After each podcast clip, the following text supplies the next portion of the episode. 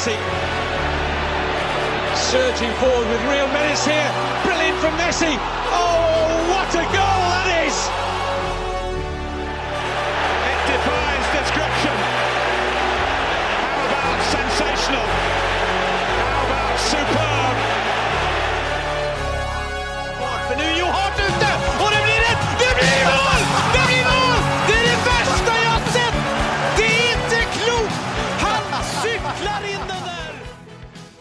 Da kan jeg ønske velkommen til episode 122 av den enestående fotballpodcasten 90 minutter. eh, I dag originalbesetningen, eller eh, ja, i hvert fall deler av, men eh, den opprinnelige besetningen eh, er her. Det er hyggelig, Søren Døpker. Det er veldig hyggelig. tilbake fra bobilferie. Bobilferien Seat Ibiza, ja. Åh, fikk du plass inn, eller sånn i forhold til å sove og sånn? Nei, Vi sov jo på hytte og hotell og alt det der. Airbnb. En tysker uten bobil? En tysker uten bobil. Det var nok andre som hadde bobil. Jeg trengte ikke. Du ødelegger liksom Ja, jeg, vet, jeg føler jo at jeg har blitt litt norsk, da. Ja. Jeg føler jo det. Ja, det, det har du faktisk. Du er litt sånn norsk, egentlig. ja. Ja, Ja, takk. Har du hatt en fin ferie? Ja? Veldig fin. Det var veldig hyggelig. Ble, altså, kjørte jo opp til Tromsø og tilbake, så det ble jo 3500 km. Og det var jo bare jeg som kjørte, så det ble jo litt sliten etter hvert da, av uh, kjøringa. For man har jo fokus hele tida. Kan vi ikke slappe av når man eh, kjører bil, men det var utrolig flott. Det var mye fint å se. og ja, det. Og da kan vi presentere Mats Granvold. Han har har allerede begynt å le, men det er fordi Tenkte du det samme som meg, at når Søren Døpker kjører bil Vet du hva, Han var ikke på telefon én gang han, under den bilturen! jeg er sikker på. Han sjekka ikke engang hvor mye klokka var på telefon. Nei, det Det er stemmer, det. Ja. fokus på Ja, Han da følger med på midtrabatten og alt. Det er jeg helt sikker på. Det er Hyggelig å ha deg her, Mats Jo, takk for at jeg fikk komme. Jo, jo, det mm, Jeg skjønte du hadde så celebert her sist, så var jeg var, var litt spent på om jeg ble invitert igjen, faktisk. eh, Vet du hva? Det, du, du, du er 90 minutter, du, eh, på mange måter, for min del. Oi, ja, det var hyggelig. Det var hyggelig. Mm. Så jeg kommer til å bli invitert nå hver gang. Det er hver eneste gang, faktisk. Altså, nå er vi, snart flytter vi inn i snart hjemme hos meg, da, så da låser jeg bare døra hvis du begynner å bli ufin. ja, deilig. Og, og det kan vi si til lytterne våre, egentlig, at uh, i og med at vi kommer til å få studio så tett uh, på oss, så vil vi også kunne sette i gang noen uordinære episoder. Det vil si, hvis det skjer noe stort i fotballverden, uh, som eh, når Messi gikk til PSG her, så, så kan vi sette oss ned i løpet av meget kort tid og få ut en liten halvtime om, eh, om, om eh, våre tanker rundt det, Mats. Ja. Det blir gøy. Og da, da får jo du drømmen din også, i forhold til Nå sitter vi jo her på i, Det heter Mottaket Media, Hardere Mottak sitt studio, som vi har vært så utrolig heldige å få låne. Eh, og, og, og du har jo snakka om at de har ordinære og uordinære episoder. Mm. Så da får du den drømmen oppfylt. Nå har det aldri vært en drøm, da. Det var mer jeg lurer på hva forskjellen er, egentlig. Men, men det hadde vært gøy å prøve en uordinær Kanskje det er artigere enn en ordinær? Så kanskje vi bare kjører uordinære episoder framover. En haug av uordinære episoder. Det hadde vært Det hadde. Em, nei, jeg, vet du hva? Jeg er så godt humør nå. Jeg se dere to igjen. Altså. Det, var, det var veldig hyggelig. Det var veldig hyggelig jeg sist, sammen med Martin, Tor Kjetil og Pål Thomas. eh, Men eh, så, det, det, er Altså, borte bra, men hjemme best. Det er et eller annet med det også, å, å, å få det originale tilbake igjen. Ja, og så tror jeg nok det er litt sånn Vi kjenner hverandre såpass godt nå at eh, det er litt lettere å prate løst og fast om ting og tang. Det flyter litt, liksom. Det, Flyter godt, ja. Ja, det gjør det. det, gjør det. Og det, det, det er veldig hyggelig. På Twitter eh, Voldsomt mye spørsmål på Twitter nå. Det er veldig hyggelig. Ja, absolutt. Vi, vi tar jo imot det med takk. Og, eh, og nisselue på, han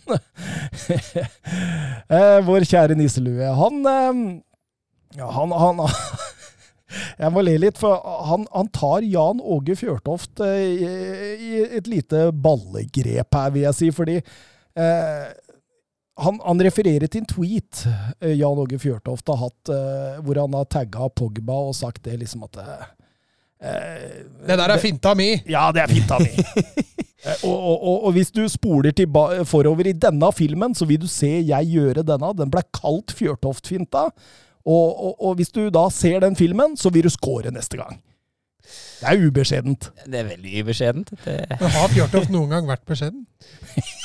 Nei, Jeg kan ikke huske han har eh, lent seg tilbake en eneste gang. Altså. men det er ikke, det er ikke gærent å liksom eh, tagge selveste Paul Pogba eh, på Twitter og, og, og legge med en video av seg sjøl og si du, sjekk hvordan han skal gjøres. etter, etter at han hadde levert fire assist. jeg syns den er herlig eh, frekk, for å si det sånn. Den, eh, men jeg, jeg så intervjuet hans med var eh, Erling Braut Haaland i helga òg. Han var jo mer, mer adrenalinfylt enn Erling Braut Haaland sjøl. Mm.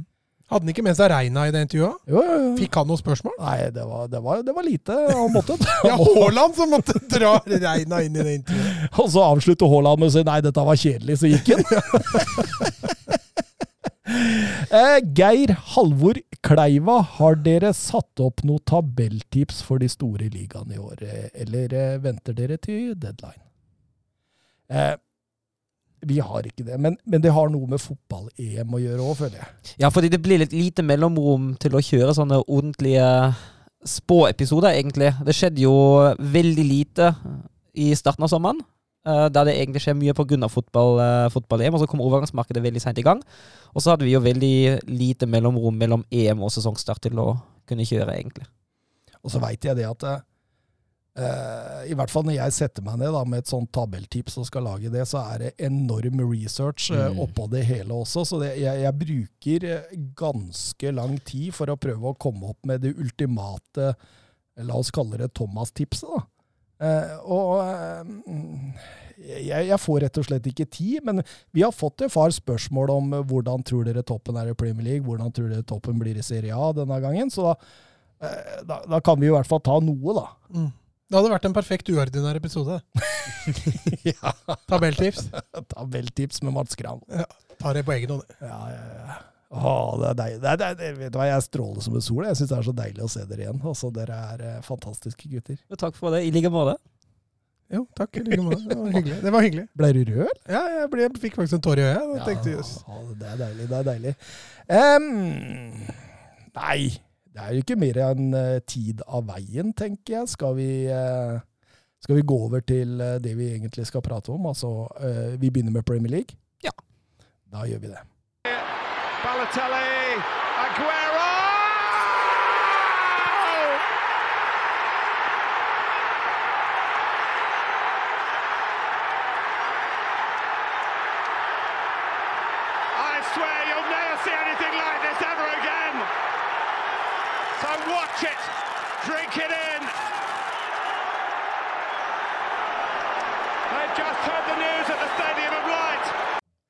Ja, og første, første mm, kamp er selvfølgelig fredagsoppgjøret og det som starta årets eh, Premier League. Brentford mot Arsenal.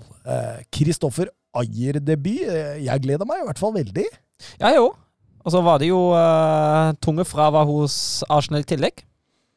Auba og Lacassette. eh, ja, ja jo, det, det, det er klart det at det, Du fikk jo merke det utover i kampen, at det var ikke så mye eh, offensiv skyts Arsenal hadde. Det blei litt eh, tynt, Mats. Ja, det ble det. Eh, Balagun er jo, en, er jo en lovende spiller, da, eh, for all del. Men eh, han mangler litt den tyngden foreløpig. Eh, så jeg er helt enig med dere. Ja, altså, så skjønner jeg ikke at man absolutt må slå så mye høyt i den boksen der når du har Martinelli, Balogun på 1,78 og PP som stadig vekk tar de løpene dine. Det Og, og akkurat det der har vi snakka om før Ja. med Arteta. Husker du kampen mot Tottenham i fjor? Yes. Hvor de drev og lempa baller inn eh, mot eh, Da var det Lacassette, mot eh, Dyer og Aldevereld. Og eh, det, det virker litt eh, planløst, rett og slett. Ja, altså det eneste, det eneste som det ser ut som, er at det, ta, kjør opp med Tieni, eh, få opp bredden inn i spillet, og så får vi se hva som skjer derfra. Det, det er liksom det, altså PP skal, skal liksom være X-faktoren som utfordrer, men funker jo ikke Noen havner stadig vekk i undertall på kanten fordi ingen kommer og hjelper meg. Først i andre omgang Chambers tok noen løp opp og overlappa, og det funka ikke. Og Tieni slår de innleggene som bare stanges ut av eh, de tre Bretford-gigantene da, Brentford-gigantene der ute. Og da blir det dårlig offensivt, altså. Men vær så snill og spill den ballen langs bakken noen ganger, da. Ta et par 45 ut. Det kom, det kom litt grann med i andre omgang, da. Men uh, jeg skjønner ikke at han velger den inngang i det hele tatt med det materialet han har tilgjengelig i den kampen. Nei. Absolutt ikke, og det er, det er, jo Brentford som styrer dette. Mbuema har jo en i stolpen tidlig der, før eh, Kanos eh, setter 1-0 veldig fortjent på det tidspunktet. Ja, og det, det, er jo det neste. Arsenal slet jo veldig når, når Brentford bestemte seg for å presse høyt og være aggressivt i gjenvinningsfasen. Der slet jo Arsenal. Mm. Og det ene målet er jo en direkte konsekvens av uh, god gjenvinningsspill og ekstremt dårlig og tafatt forsvarsspill hos Arsenal. Ja, Da tenker du på Chambers. det, var ikke, det var ikke dårlig satt. Nei, nei, nei, det er fint satt. Kan ikke ta fra den avslutninga der noe som helst. Første Premier League-målet, eller altså toppseriemålet, blir det da i Brentford siden 1947. Det er ikke rart det var stemning på den uh, nyoppstarta stadion. Men jeg tenker altså, altså, Så dere de siste fem, da, at folk begynte å gå? På, på hjemmetribunen, eller rundt på de nøytrale, nøytrale i anførselstegn tribunene. Jeg tenker altså, De spiller den første toppseriekamp uh, på øverste nivå på 74 år. Du har Arsenal på besøk, du leder 2-0, stemningen er på topp, og så går du fem minutter for slutt. Ja, Det er, det er et skandale. Ja. ja for å unngå køen, da. Ja, men altså, unnskyld meg, da. For en sånn opplevelse tar jeg igjen en time med kø. altså, Jeg har null stress. Ja, for eh, som man uh, skjønner, så vant eh, Brentford 2-0. Christian Nørgaard, som hadde brukbare kamper som innhopper i EM, han satte 2-0 med hodet der. strålende. Og, og, Arsenal begynner Premier League-sesongen som ja, som Arsenal. er det ikke det fair å si? Jo, jeg syns det. apropos Brentford, det var det 50. Premier League-laget som har spilt Premier League, altså det 50. laget, og det tiende fra London. Eh, og i troppen deres var det kun tre Premier League-kamper fra før av, så dette er jo en enorm prestasjon. Kan du ta de tre, eller? Eh, de tre Premier League-kampene? Ja. ja. Tony har to, og Kanos har én. Ok, såpass. Ja. Det var to forskjellige. Det var det kult å være tre forskjellige med én kamp. ja, og eh, ja, selv om vi skjønner jo det at en Aubameyang, en Lacassette, kunne gjort en forskjell der. Men, men, men det, er, det, er, en offensiv midt, en tier Arsenal driver og sikler etter. Martin Ødegaard, Awar blir nevnt, Madison. Mm. Uh, ser dere behovet? Jeg, altså, jeg syns jo ikke uh, Smith Rowe gjorde seg bort. Jeg syns kanskje han var, han var en av de, av de, bedre. Altså, jeg føler den, uh, den kampen der, den som de tapte som de gjorde nå, den var mest systematisk betinget at de gikk på et tap, egentlig. Altså, det er så, så kjipt med Arsenal, da. for PP, da, som er uh, en av verdens beste når den er på, og så er han en av de mest mhm. frustrerende når den er av. Og samme kan liksom, altså Martinelli er jo fortsatt veldig ung, da, men han har vært så mye skada, og det er frustrerende litt. da, For det er også en spiller som kan avgjøre kamper på egen hånd. Og så har du da en Smith Rowe som Helt enig. altså Skal Martin Ødegaard inn der altså Han forsterker jo ikke laget veldig, med tanke på å fjerne Smith Rowe. så jeg tror nesten heller jeg hadde sett etter en, en tydelig nummer ni, altså, eller en høyrekant, som en uh, erstatter eller en, avlaster for, uh, for, PP. Men jeg har ofte tenkt sånn at uh, gi Lacassette 38 kamper, så skårer han 15-20 mål. Altså, Lacassette er jo en spiller som går inn og ut av det laget fortere enn omtrent noe annet. Ja, Men tror du ikke Aubameyang vil spille nummer ni? Og at det er derfor han rullerer litt, for at Aubameyang skal få nieren innimellom? Men jeg syns jo veldig ofte at uh, når ikke Lacassette er der, at han fortsatt setter Aubameyang ut venstre. Ja, jeg har sett han, ja, Det kan godt stemme at det ikke er hver gang, men jeg har sett Aubameyang spille nier. Uh, ja, nå, hvis han kjører Martinelli ut venstre. Ja, ja, ja. ja. nei, uh, gratulerer Brentford 2-0, og vi skal over til Old Trafford, der det blir en voldsom fotballfest for de røde. Ja, etter hvert i hvert fall. Uh, gikk jo litt uh, altså, Jeg syns United er, er, best i starten, uh, men Leeds antyder jo at de er farlige på overganger.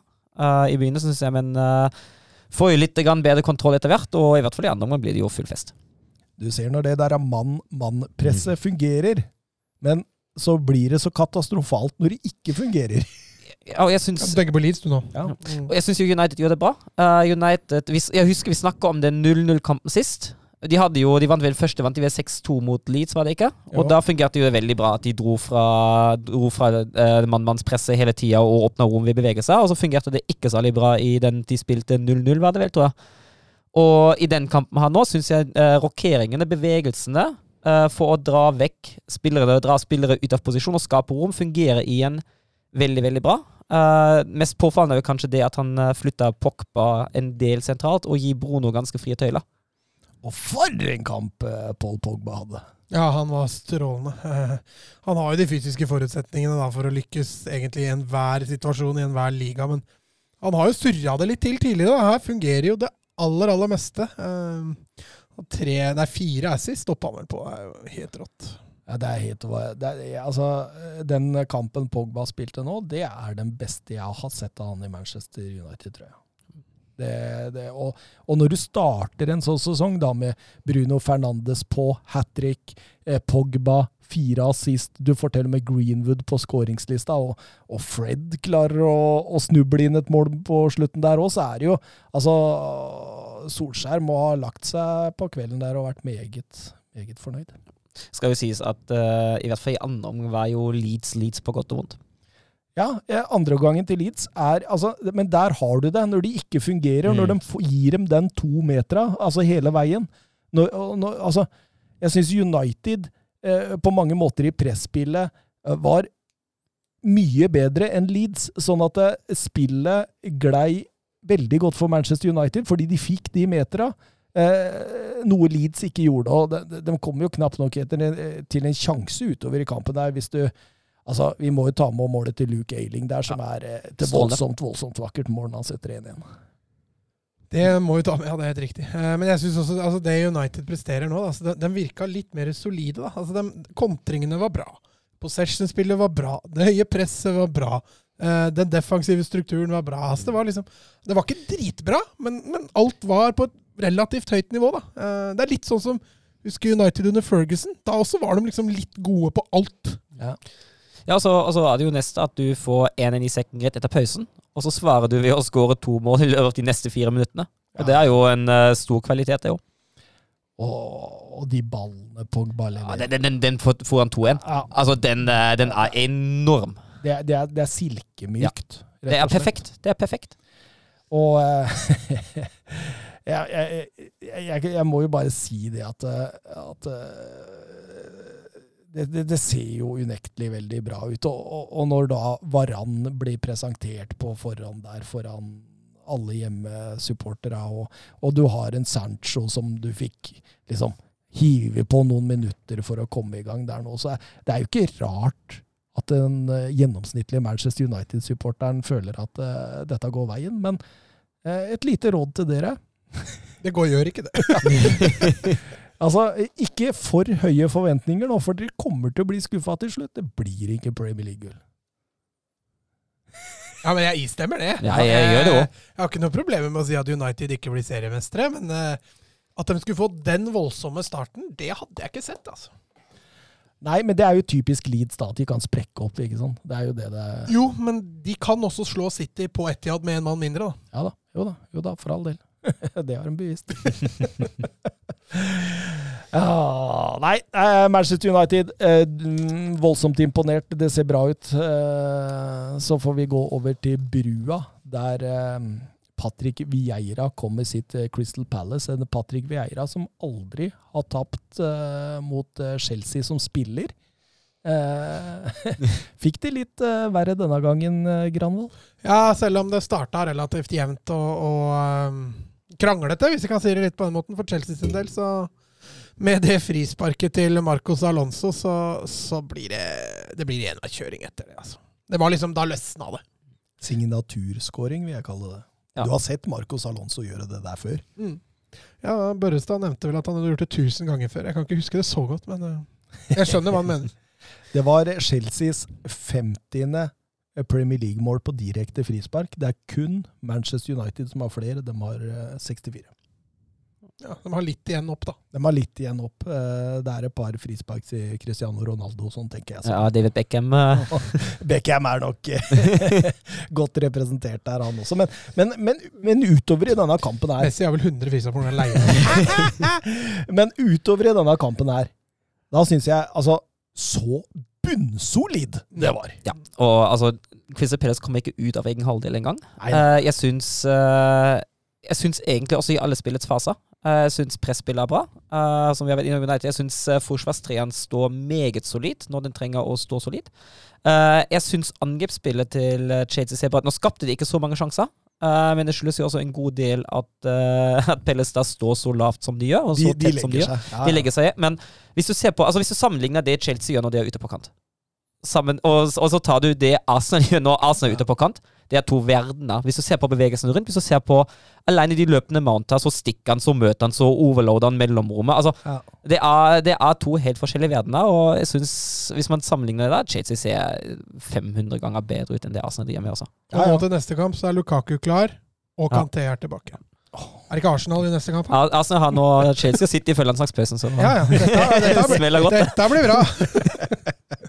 Men, men eh, det, det er voldsomt herlig å se på Chelsea. Når, og de, det, ser det, det er alltid, de begynner alltid ekstremt smalt, Mm. og så er de ut på kantene. Ja. Og, og, og eh, det, det er som du sier, da. Altså, serv, innløp, det er verdensklasse. Det er verdensklasse. Det er Altså, du, du ser eh, du, Det er der du skiller Clinton og hveten, hvis jeg kan få bruke et sånt uttrykk.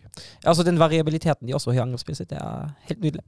Og så må vi jo si det var hyggelig for Trevor Shaloba Ja. å få sette 3-0 der. Det var nydelig senere i etterkant der. Ja, Ja. ja. Og det, sånt er jo fotballen verdt å se på for, for der var det mye følelser i sving. Er han uh, Jehovas vitne? Nei, det har jeg ikke noe for. Ja, men han skriver Jehovas på, og hashtag ah, på Twitter for hver melding han skriver. Gjør han det? Ja. Oi. Følger hun på Twitter? Uh, nei, men jeg følger noen Chelsea-folk, og da Ja. blir det jo likes. Da Ja. dukker opp i feeden min. Eh, Twitter, eh, apropos eh, Nico F... Nei, Nico CFC, Chelsea fotballklubb, regner jeg med. eh, vakre scener etter målet til Shaloba. Eh, tror dere han har en fremtid i klubben denne sesongen? Altså, tror vi han får mye spilletid? Kanskje. Han har jo ikke, han har jo ikke gjort seg bort eh, den tiden han har fått. Eh, Vi har jo vært innpå det. Chelsea trenger jo, hvis de skal ha backup på alle plasser, så trenger de jo seks stoppere. PT så har de, jo ikke, har de ikke det, så det ligger jo til rette for at han kan få en del minutter i år. Ja, Det blir jo en del kamper for Chelsea. Det gjør det. Ja, men altså, uh, Han spilte jo en treer med Christensen og Rudiger nå. Så har du Aspilicuelta, som kan gå inn der hvis uh, Reece James kommer inn. Og så har du Tiago Silva, du har Kurt Zuma, og, og Huls Kondé er vel fortsatt aktuell, så vidt jeg veit. Ja, Men han er ikke i klubben, som er blir feil å regne med. Nei, nei, men, men nå skal vi jo spå Mm. framtida her, da. Ja, jeg tenker jo Tiago Silva kommer jo til å være eh, Når han Ah, Får komme til stemmeskiftet. Når han er 100% fit, så starter jo han. ja. Eh, Ja, men- Så får vi se hvor mange han starter. Ja. Uh, og så har du Christensen og Rudiger, som jeg kanskje tenker vil være de to som er nærmest. Og så har du da, så har du da Kurt Zuma, som, som, er en, uh, som er en backup, og Aspilicueta, som du snakker om. Så veien fram er ikke, er ikke nødvendigvis sånn kjempelang, med tanke på at det må rulleres en del. Nei, og, og så lenge du presterer, så får ja, du spille. Han gjorde seg jo på ingen måte bort. Nei, strålende. Han har hatt Ja. en bra preseason nå. Mm. Han var decent òg mot, eh, i supercupen. Mm. Eh, Jørgen Be Ready, hva tror dere om Lukaku i Chelsea? Ja, vi har jo vært litt innom det før. Jeg mener egentlig fortsatt det samme som, uh, som jeg mente da. Jeg mener at det er en strålende signering. Jeg tror han kommer til å lykkes stort. Og den store fordelen jeg ser, altså han gjør jo det Chelsea-angrepet mer variabelt, fordi han, eh, han er den spillertypen som de mangler der oppe. Samtidig som han ikke er en Haaland eller en Lewandowski som må spille hele tida. Det vil si at du fortsatt kan, eller Torhild da, fortsatt kan bruke den store variabiliteten han har i det laget der, og spille akkurat som han mener passer best på akkurat den motstanderen han har. Kosta ikke han 1,1, Jo, det er noe sånt. Mm. og så skal han ikke spille alle kampene. Nei, jeg vet ikke. Men altså, du, kan, du kan fortsatt altså, Jeg føler ikke at, uh, at det er en Haaland som absolutt alltid må spille. Altså, Han er jo førstespissen, det er han jo definitivt. Men hvis det er en motstander som tilsier at uh, det hadde vært bedre med en annen, med en annen formasjon enn en uh, Jo, jo, men, men i Dortmund, da, der har du jo Tiggis i bakhånd, liksom. Jo, jo. I Chelsea så har du Werner, Abraham Så du har litt andre strengere Ja, å ikke spille på. ikke. Abraham nå, da. Han er hos Mourinho snart.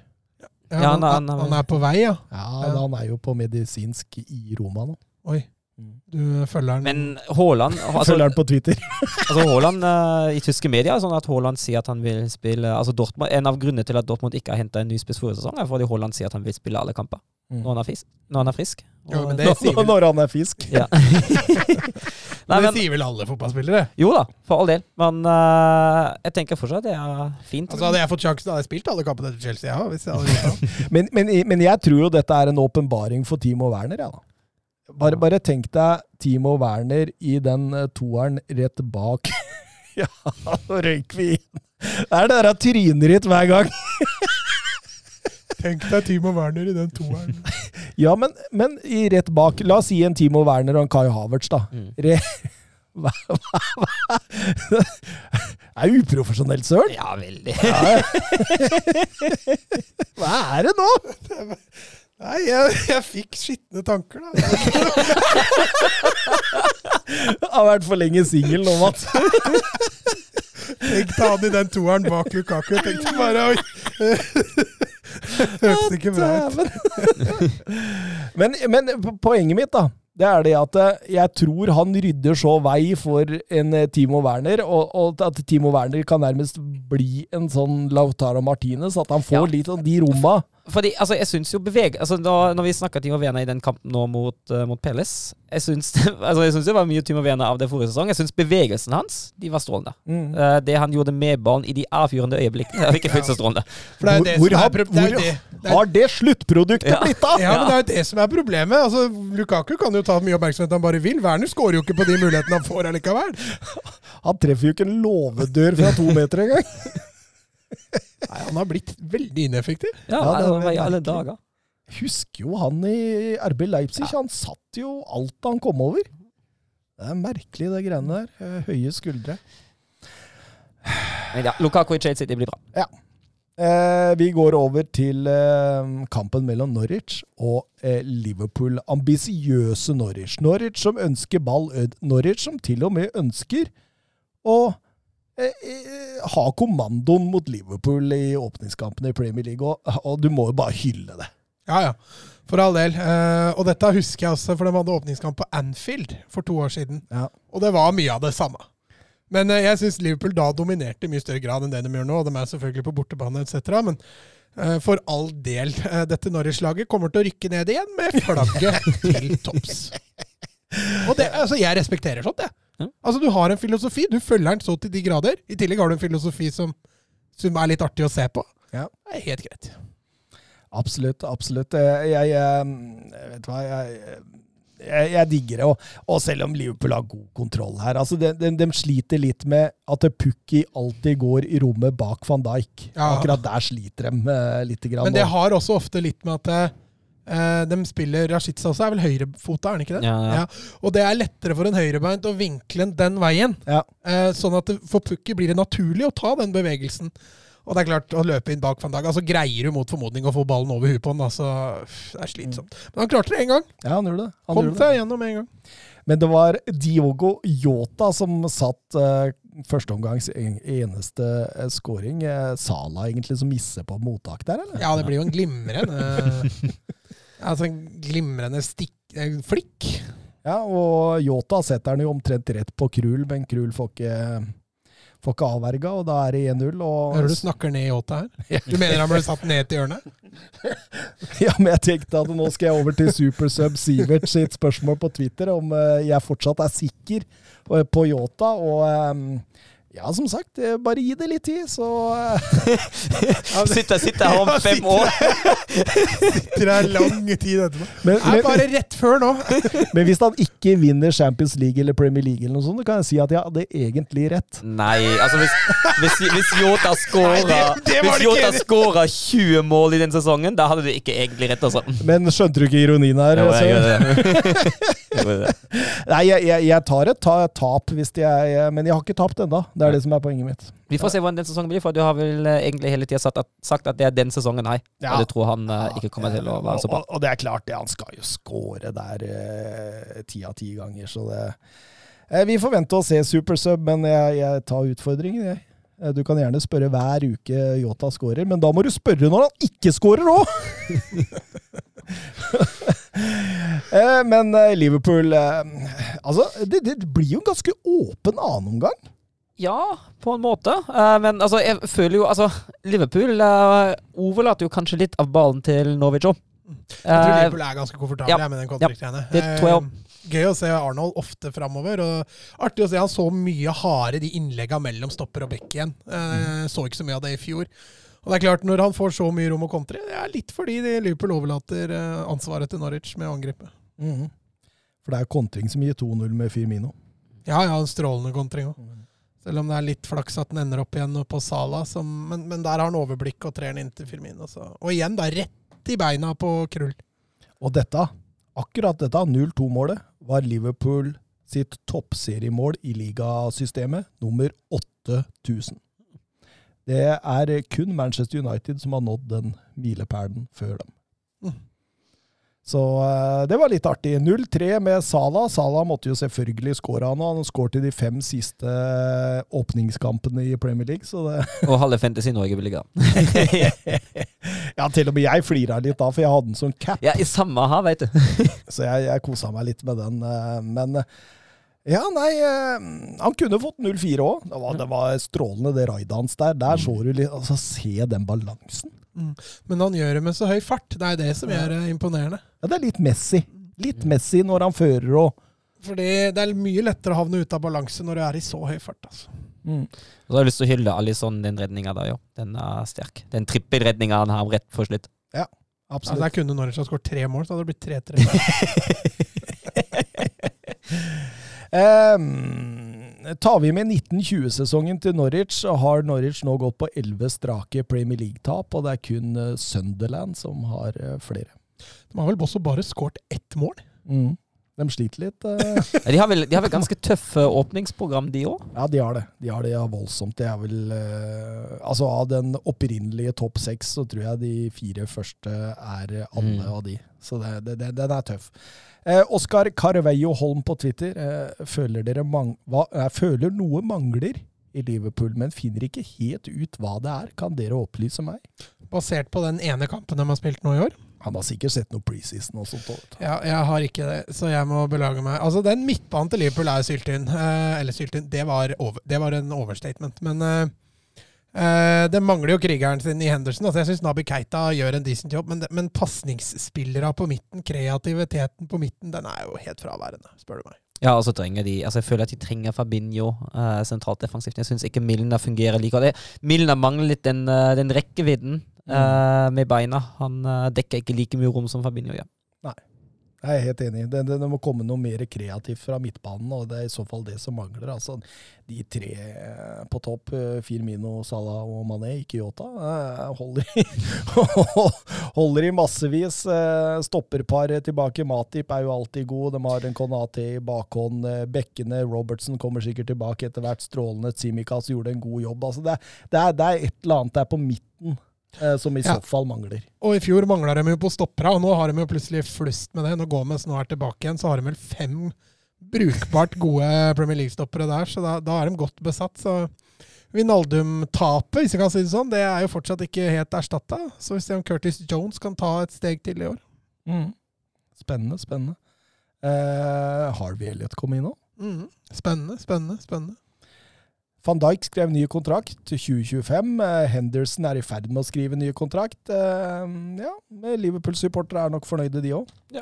Med god grunn. Med god grunn. Da skal vi over til eh, hovedkampen vår. Tottenham mot Manchester City. Det var det 165. oppgjøret mellom klubbene totalt. Tottenham har vunnet 63, eh, Manchester City 65, og da 36 uavgjort. City har vært best i nyere tid. Eh, av de 25 siste så har eh, Tottenham eh, kun vunnet seks, mens Manchester City har vunnet 16. Eh, City vant sist Premier League eh, League-kamp 3-0. Gundogan sin store, store kamp, hvis dere husker det. Um, Spurs uh, har vunnet de tre siste på hjemmebane. 2-0 sist med Son og Lo Celso. Og Manchester City har vel ikke vunnet på Tottenham Hotspur Stadium enda? Har vel ikke skåret på Tottenham Hotspur Stadium enda? Nei. Eh, Kane, mye har vært sagt. Eh, Dukka ikke opp. Eh, Kameraene fant den ikke på, på tribunen engang. Hva leser vi av det? Nei, eh, hva leser vi av det? Det er et fryktelig godt spørsmål, for jeg tror ikke det bare bare er å hente ut han, så jeg veit ikke. Jeg har vanskeligheter for å gjøre meg opp en mening. Mm. Det er time will show. Ja, det er, eh, altså Greia der er at jeg, jeg tror ikke City har råd til å kjøpe den ut. Og hvem skal kjøpe ut han nå? Nå har Chelsea kjøpt Lukaku. Jeg tror Kane må krype til korset til slutt og si legge seg flatt. Ja, ja, det hadde jo ikke vært så aller verst for oss Tottenham-supportere. Eh, Manchester City, overraskende Kevin De Brøne tilbake på benken. Eh, det var tidlig. Skada i EM og kun et par treninger bak seg. Mm. Sier jo hvor mye Guardiola føler dem er avhengig av han. Men lagene, folkens, hva tenker vi? Nei, det var jo uh, Tottenham startet jo med Tanganga på høyre bekk. Uh, Skip sentralt ved siden av uh, Høibjørg, og ellers var ikke det var så veldig mange overraskelser. Ja, altså, den sk- sk- fem-femmerrekka var litt overraskende at han ikke stilte med en fembekslinje. Ja, du tenkte det? Jeg tenkte det. Ja. Når jeg så lagoppstillingen, så tenkte jeg 4-2-3-1. Ja, så jeg ble superoverraska. Ja, de som, de som blir på banen til slutt, ja. ja. Ja, det var- rein 4-3-3. At skip eh, starta, det var ikke veldig overraskende med tanke på det Nuno Espirito Santo har sagt eh, Mm. i forkant, og, og den sesongen han la bak seg i Norwich, og, og hvordan han eh, rett og slett har tatt nivået i preseason og har vært helt vilt. Han er så voksen. Ja, han er jo åpenbart foran Harry Winks også, så det, det kan hende det blir en del minutter på han. Absolutt. Eh, Mora, Son og Bergwijn eh, på topp. Eh, mens eh, Manchester City var noen tunge fravær der òg. ja. Eh, så særlig, særlig Kevin De Bruyne. Og så hadde jo, hadde jo en benk bestående av, eh, av Stones, Laporte, Walker, Rodri, Silva, Sinchenko og Jesus. Helt grei benk. Det sier vel egentlig det meste. Ja, litt, eh, synes stussa litt på, på altså Ferran Torres som midtspiss. Den har han jo brukt før, så det er kanskje ikke så overraskende. Men den- den der oppstillinga med å sette både Stirling og Grealish Han kjørte to venstrekanter, altså. Eh, så den, eh, den var litt overraskende. Absolutt, absolutt. Og da tenkte jeg når jeg så det, at her skal Tanganga få kjørt seg, men Nei, ikke bare det, men hvis, hvis dette ikke fungerer altså Han ofrer jo en indreløper her. mm. For å, og de rommene Tottenham eventuelt eller får nå å kontre i, er jo Ja. en liten konsekvens av at det mangler en spiller sentralt. Ja, absolutt. Fordi den offensive markeringa til City den var jo nærmest fraværende en periode der. Ja. I hvert fall under enhver kritikk. Mm. Ehm, ja, uh, men det er jo City som kjører i starten. Ja, City hadde klart beste laget. Uh, City spiller Tottenham, uh, Tottenham lavt. Tottenham kommer seg nesten ikke ut av, av egen halvdel i begynnelsen. City har vel et par ganske gode muligheter i starten òg. En keepertabbe av uh, Loris. Den var fryktelig. Han holdt på å bokse Fernandinho på samme måte som han gjorde i EM. Ja. Eh, det, det kan bli straffa, sånn. Ja, absolutt. Og så hadde vel den uh, returen som uh, Cancelo bomma på, på mål, Mm. rett og slett. Men eh, det kunne fort ha blitt 1-0 til City allerede. Ja, altså De gangene hvor først Grealish og så Stirling bare glir gjennom der. Altså Det er Mm. totalt fraværende av press. eh. Nå blir det jo ikke noe voldsomt stort ut av det, da, men, men der er de én god pasning, eller ett godt løp da, foran mål til at det blir mål.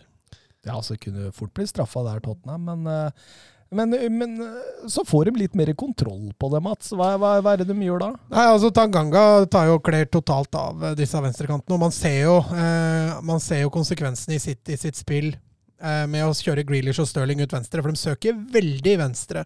Og så eh, prøver de litt å vri over mot, mot Mares, men, men de får det ikke helt til, og så kommer disse kontringene til Tottenham. og du ser City blir mer og mer nervøse for det, og Tottenham er fryktelig gode på de kontringene. Altså, for de tar dem helhjerta. og Mora, Son og Bergwijn tror jeg har trent en del sammen i sommer.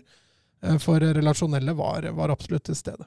Og så har de jo også de, den, den, den sekserblokk på midten, den to ganger tre-blokka på midten, Mm. Uh, den gjør jo sitt. Den gjør jo uh, oppbyggingen gjennom sentrum gjør den ekstremt vanskelig. Eh, samtidig har du god skyggepress eh, mot de to indreløperne, Grealish og Gundogan, som står oppe ved boksen og Adai, så de er ganske godt tatt ut og ganske godt uh, pakka inn. Og Så tvinger du City ut på kant, uh, gjerne venstre, som Mats, eh, Mats har nevnt, og så har City egentlig ingen å slå inn på. Nei, Det kommer i tillegg. absolutt. Åh. og det Tanganga leverer der, altså. altså, altså Stirling han var frustrert før det var gått til 20 minutter. For han, han ligger oppå han, og det, det, du, du ser eh, hvordan han liksom på en måte går i sprint med en gang ballen går mot eh, og, Ja. og, og han bryr seg ikke om han lager frispark. Nei, og, det, bare og han gjør en kjempe, kjempeinnsats der, men det er litt skuffende at City ikke prøver å utnytte men de kommer rundt på kant der, så er de jo innimellom så er de jo faktisk tre mot to. Mm. Noen ganger skyver Tottenham over og får tre mot tre, men selv tre mot tre, så er Grealish, Stirling og Mendy gode nok til å utnytte det. altså. Ja, altså, litt, jeg synes jeg var litt skuffa over City, at ikke de greide å utnytte den uh, venstresida si bedre.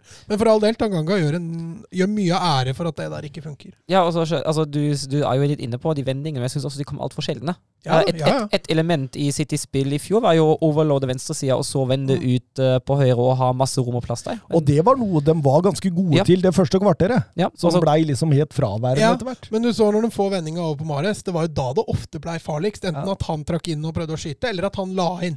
Mm. Og det var, men, men som du sier, når det plutselig ikke blei en del av spillet til City lenger, da, da mista de uh, gjennombruddskrafta si. Så honnør til uh, de tre gutta på topp, ikke bare offensivt, men defensivt. Hvordan det toppresset fungerer. Hvordan uh, Høibjerg og Del Alli eh, løp vel sokka seg rundt der. Og, og, og Oliver Skip han eh, styrte begivenhetene som om han var 30 og ikke 20, Mats. Han var strålende også. Ja, han uh, Altså syns jeg han var best defensivt, jeg, da. Jeg Ja, jo, jo. han, han Men det snakker jo om presset her, da. Ja, ja. eh, offensivt så blir han jo veldig lite involvert, men eh, defensivt så han dekker store rom. Og, og så er han jo også rolig med ballen i frispillinga, da. Det skal han også ha.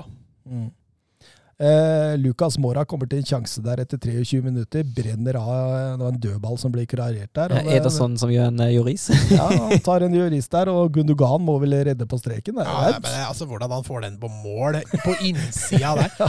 Altså, Jeg skjønner at Mora nesten begynner å juble der, for det er også godt gjort av Gundogan å få redda den uten å bruke henda. Altså.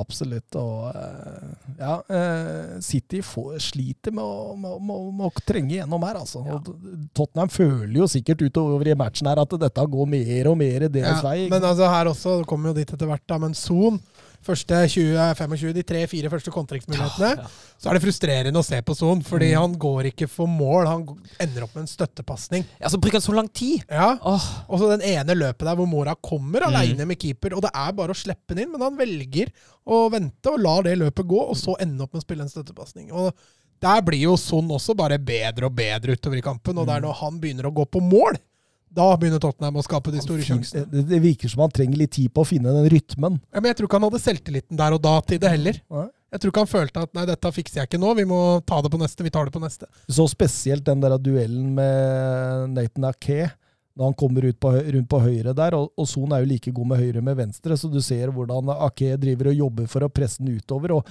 og, og typisk Son da, ville jo da gå rett på og til en av sidene, men han blir litt nølende, som dere sier, og han trekker ofte tilbake igjen, og, og, og, og sleit litt der, ja. Det, ja, jeg ser poenget deres.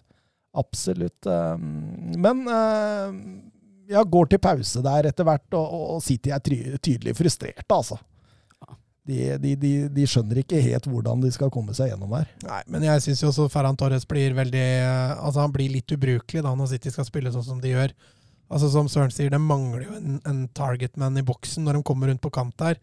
Det mangler en indreløper, for Gundogan blir den eneste som tar de dype løpa. Uh, jeg jeg syns ikke det systemet her eh, med den måten å spille på fungerte bra for City. og er, Guardiola sa jo også det at vi kommer mye sterkere tilbake, og det tror jeg. Selv med den oppstillinga her kan City gjøre det knallbra. Men akkurat nå så mangler de litt for mye. Mm. Begynnelsen av annen omgang begynner kampen å åpne seg litt opp, eh, rett og slett. det bølger fint fram og tilbake. Det er morsomt, det er underholdende. Ja, Koste meg. er Strålende. Eh, og og det, det, det handler jo litt om at Tottenham kontrer så bra, eller den manglende offensive eh, coveren City har. Fordi eh, altså når Tottenham angriper bra, så fyller de på spillere, og så vinner City tilbake igjen. Og så går de og får kontringen, for de har funnet ut at det er vanskelig å spille seg gjennom. Og så, og så blir det litt sånn Hawaii en periode der. Eh, men jeg syns jo Tottenham egentlig kommer til de beste angrepa, da. Jeg er helt enig, og jeg syns også innimellom blir det frustrerende, for innimellom tar City en sånn og bruker for lang tid med banen. Det var et par situasjoner der jeg tenkte men altså herregud, bare kjør litt kjappere, så har dere godt rom. Og så blir det tre-fire touches før ballen slippes videre. og Det blir ikke helt den måten når man først har muligheten til å ta et såpass godt defensivt lag i ubalanse. Absolutt, og da går man til det 54. minutt, for da setter Hoeng Min Son 1-0. og... eh, Ja. Altså, Moras flikk i forkant, den er strålende. Ja. Den, Tror du det var bevisst, eller var det bare for å få den vekk, liksom? Nei, jeg tror nok han, han Det er en bevisst flikk, det er det ingen tvil om. Men vi får, om han, at han skulle bli såpass bra, jeg vet ikke om det var det han planla. Men Og så ser det ut som en del av, nok en gang, en del av overgangen liksom ja, Han trekker litt ut der, fordi eh, ballen fra Bergveien er ikke helt perfekt, og Son må liksom ta den med seg ut. Og så, og så finner Son ut ok, nå er jeg én mot én mot Ake. Eh, nå skal jeg ikke drible inn, nå skal jeg bare dra den på utsida, og det, det er jo strålende, det der. Jeg, men, jeg, men, jeg, tror Ruben Diaz gjorde det med liten bjørnetjeneste. Ja, jeg tror også Ederson blir, eh, vegrer seg litt der, fordi han klarer ikke helt å bestemme seg for om Diaz er bortpå den eller ikke. Mm. Så han får nok litt hjelp på veien der, men, men allikevel helt nede i stolprota der. og Veldig bra satt av Son. Og for et jubelbrøl på stadion, da. Ja, gøy å høre, altså. Ja, det var helt vilt. Hørte av kommentatoren bare 'Jeg var på Old Trafford, og der var det liv! Men dette! Dette!' Nei, det var helt fantastisk. Og, og Son han elsker jo å spille mot Manchester City. Det er kun Southampton han skårer mer mål mot Manchester City, og det, ja, det, det ligger litt i, i, ja, i spillet, ja. hvordan, hvordan, Tottenham spiller mot Manchester City. Hva slags spilletype Son er. Ikke sant, ikke sant. Um, men, men, men, det er her jeg sliter litt med City. Hvorfor, hvor er plan B nå? Fordi ja. det, det, fortsetter litt i samme kjøret. Altså, altså, han, han stoler jo ikke helt de han har på, på benk heller, tror jeg. Altså, det Brønne, som du sier, har bare et par treninger i beina. Han får jo innpå Jesus, riktignok, men, men det er ikke nok, altså. Det er ikke det. Det er ikke det. det jeg syns eh, det kladder voldsomt eh, for City der. Og jeg, altså, jeg sitter jo som Tottenham-supporter og føler utover i andre gang at her har vi kontroll. Dette har vi kontroll på, liksom. Ja, Det farligste blir jo den, eh, frispark, eh, den frisparkvarianten da nå Cancelo får legge inn eh, rett foran mål og Torres ikke treffer ballen ordentlig. Men ellers er det, altså, det er ikke så mange store sjanser. Nei, det er ikke det. Det, det, det er ikke det. det. ser nesten ut som at Tottenham er farligere på overgangen. Mm. Altså, det, det, blir en del bytter der, og de, de prøver å, prøver å, å prege kampen dit hen. Bergveien ut, Lo Celso inn. Lo Celso kommer også inn og gjør en god jobb der, syns jeg. og... Um, Lo Celso er litt mer sånn holder på ballen. Og det trengte Tottenham. Ja, det var litt det. Altså, tenkte, så det var god timing også på byttene til uh, oh, Nuno. Mm, mm. Absolutt. Og ja, når Nuno bytter inn Cristiano Romero til sin debut og setter et fem eh, en, en, Det stopper treer mm. der, så, så da, Og da kommer Dockerty Flinke til å dra ned tempoet der, og de vinner en del frispark, og de kjemper jo knallhardt. Eh. Ja, den, den intensiteten Tottenham har levert i hele den kampen, den er beundringsverdig. Absolutt. Og ble, da ble det Tottenham-seier. 1-0. Eh, Guardiola går på sitt tredje strake bortetap i Premier League på, eh, på Tottenham Hotspur Stadium. Eh, fire strake borte i sin karriere har Guardiola aldri tapt mot noen som helst motstand, så det blir spennende å se neste år. Nuno Espirito Santo har tre Premier League-seiere mot Guardiola, da to med Wolverhampton. og tar plass på topp med Klopp, Solskjær og Mourinho over de som har flest seire mot uh, Guardiola i Premier League. Mm. Så hva har Solskjær til felles med Klopp, uh, Nuno og uh, Mourinho? Ja, det er å, å, å, å ta Guardiola knallhardt i tre kamper. men, men, ta overskriften med, med det. Eh, Solskjær plager livet av Guardiola. Ja, ja. Det kan vi kalle Det kan vi, kan vi kalle episoden. Kalle episoden, ja. Så får vi masse Få sol, Solskjær inn i den. Egentlig er det Tottenham mot City, men vi får inn Solskjær der. Og hva har det å si for Solskjær? men nå må dere ikke huske noe Jan Åge Fjørtoft, nei da uh, ja um, Geir Halvor Kleiva. Er Harry Kane det Manchester City egentlig trenger? Har de ingen plan B? Eh, det er jo ganske opplagt at de trenger en spiss. Ja, det syns jeg. Altså, altså, hvis du ser, jeg leser jo altså, X-Gen i den kampen var det ene var på 2,1 et eller annet for City. Uh, og det er jo ganske dårlig utnytta, men uh, hvis du ser på spillet og hvordan, uh, hvordan, City spiller, og vi har jo vært inne på det, at det mangler noe på topp der. Det mangler tilstedeværelse, det mangler, det mangler en som kan skåre, det, man, det, mangler en som kan pådra seg litt oppmerksomhet fra stoppene. Mm. Så ja, jeg tenker at en uh, type Kane hadde vært det siste pusleblikket. Men, men, men, vi satt her i fjor òg og etterlyste at City mangler en bra nier. Mm. Det ble ligagull og Champions League-finale. Det løsna litt etter hvert. Altså, det, er jo, det er jo en fantastisk stopp. Jo, men, men poenget mitt er jo det at jeg er helt enig med deg. De, må, de trenger jo en, en nier, liksom. Men eh, Guardiola er vel kanskje den mest kløkte treneren de har. Så at han skal finne en løsning på det, det er jeg faktisk ikke så veldig redd for.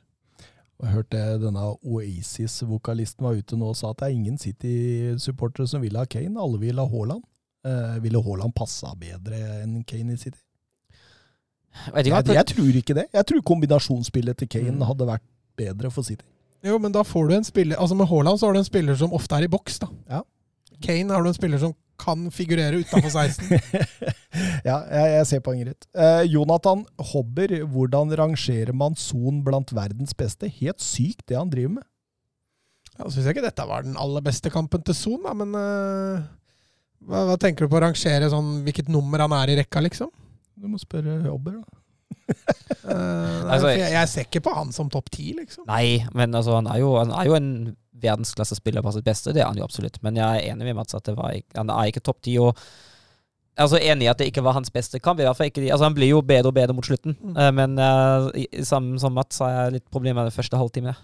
Men, men altså, regner du kantspillere, da, så ligger han jo brukbart høyt. Uh, det er ikke så mange kantspillere som jeg ser som er så mye bedre enn sånn. Nei. Petter Støvland. Eh, Lucas Mora, en av tidenes mest undervurderte spillere, spør han. Ja, hvis han har spilt alltid som han gjorde nå mot eh, City, ja. Ja, men eh, det der er svaret nei. Han, han varierer jo så veldig. Mm. Ja. Og så spiller, ja, er spiller han sånn som han gjorde mot City, da Men da hadde han jo ikke vært undervurdert. Og som du sa i bilen, så hadde han jo ikke spilt i Tottenham heller. Så. Da hadde han spilt i Barcelona eller PSG. PSG. PSG. Ja, han hadde blitt i PSG. Ja, eh, Jørn Henland. Hvis Kane selges innen overgangsvinduet stenger og Thomas må velge at Tottenham kjøper Martial eller Gabriel Jesus, hvem velger han? Og Hvem sportssjef? Hva heter han sportssjefen til Tottenham? Paratisen. Ja, da må han gå, ass. Hvis han sitter igjen med de to alternativene. Eh, men, men, men hvis eh, sportssjef Edvardsen da skulle tatt valget valg av de to, så hadde det vært eh, Martial. Eh, jeg tror Jeg tror Martial er en sånn spiller at hvis han blir skadefri, og han kanskje får et litt nytt miljø Altså Det er snakka om at han kanskje går til Inter nå, eller et eller annet sånt, hvis Inter sender Latara Martinez. Eh, da tror jeg Martial kan gjøre bra, altså. Jo, men vi er enige om at Serie A, der lykkes alle. Men, men jeg tror da at, eh, at eh, jeg, jeg, jeg, tror jeg ville valgt Martial av jeg tror toppnivået til Martial er større enn Gabriel Jesus. Van Dahl, hvilket lag imponerte dere mest i åpningsrunden av Premier League? Kan vi få hver og ens topp seks tabelltips? Begynner med Søren. da.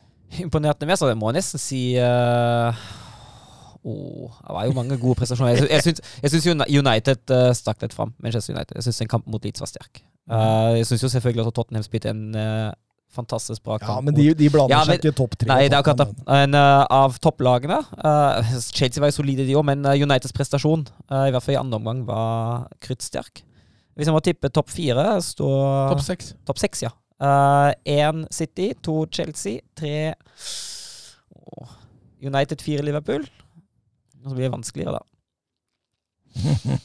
Og jeg har lyst til å si fem Leicester og seks Tottenham. Mats?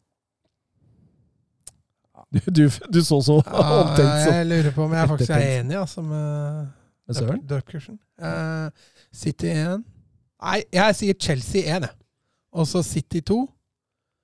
Uh, Liverpool United, den også blir Ja, det, det, det eh, er én og to og tre og fire som vant.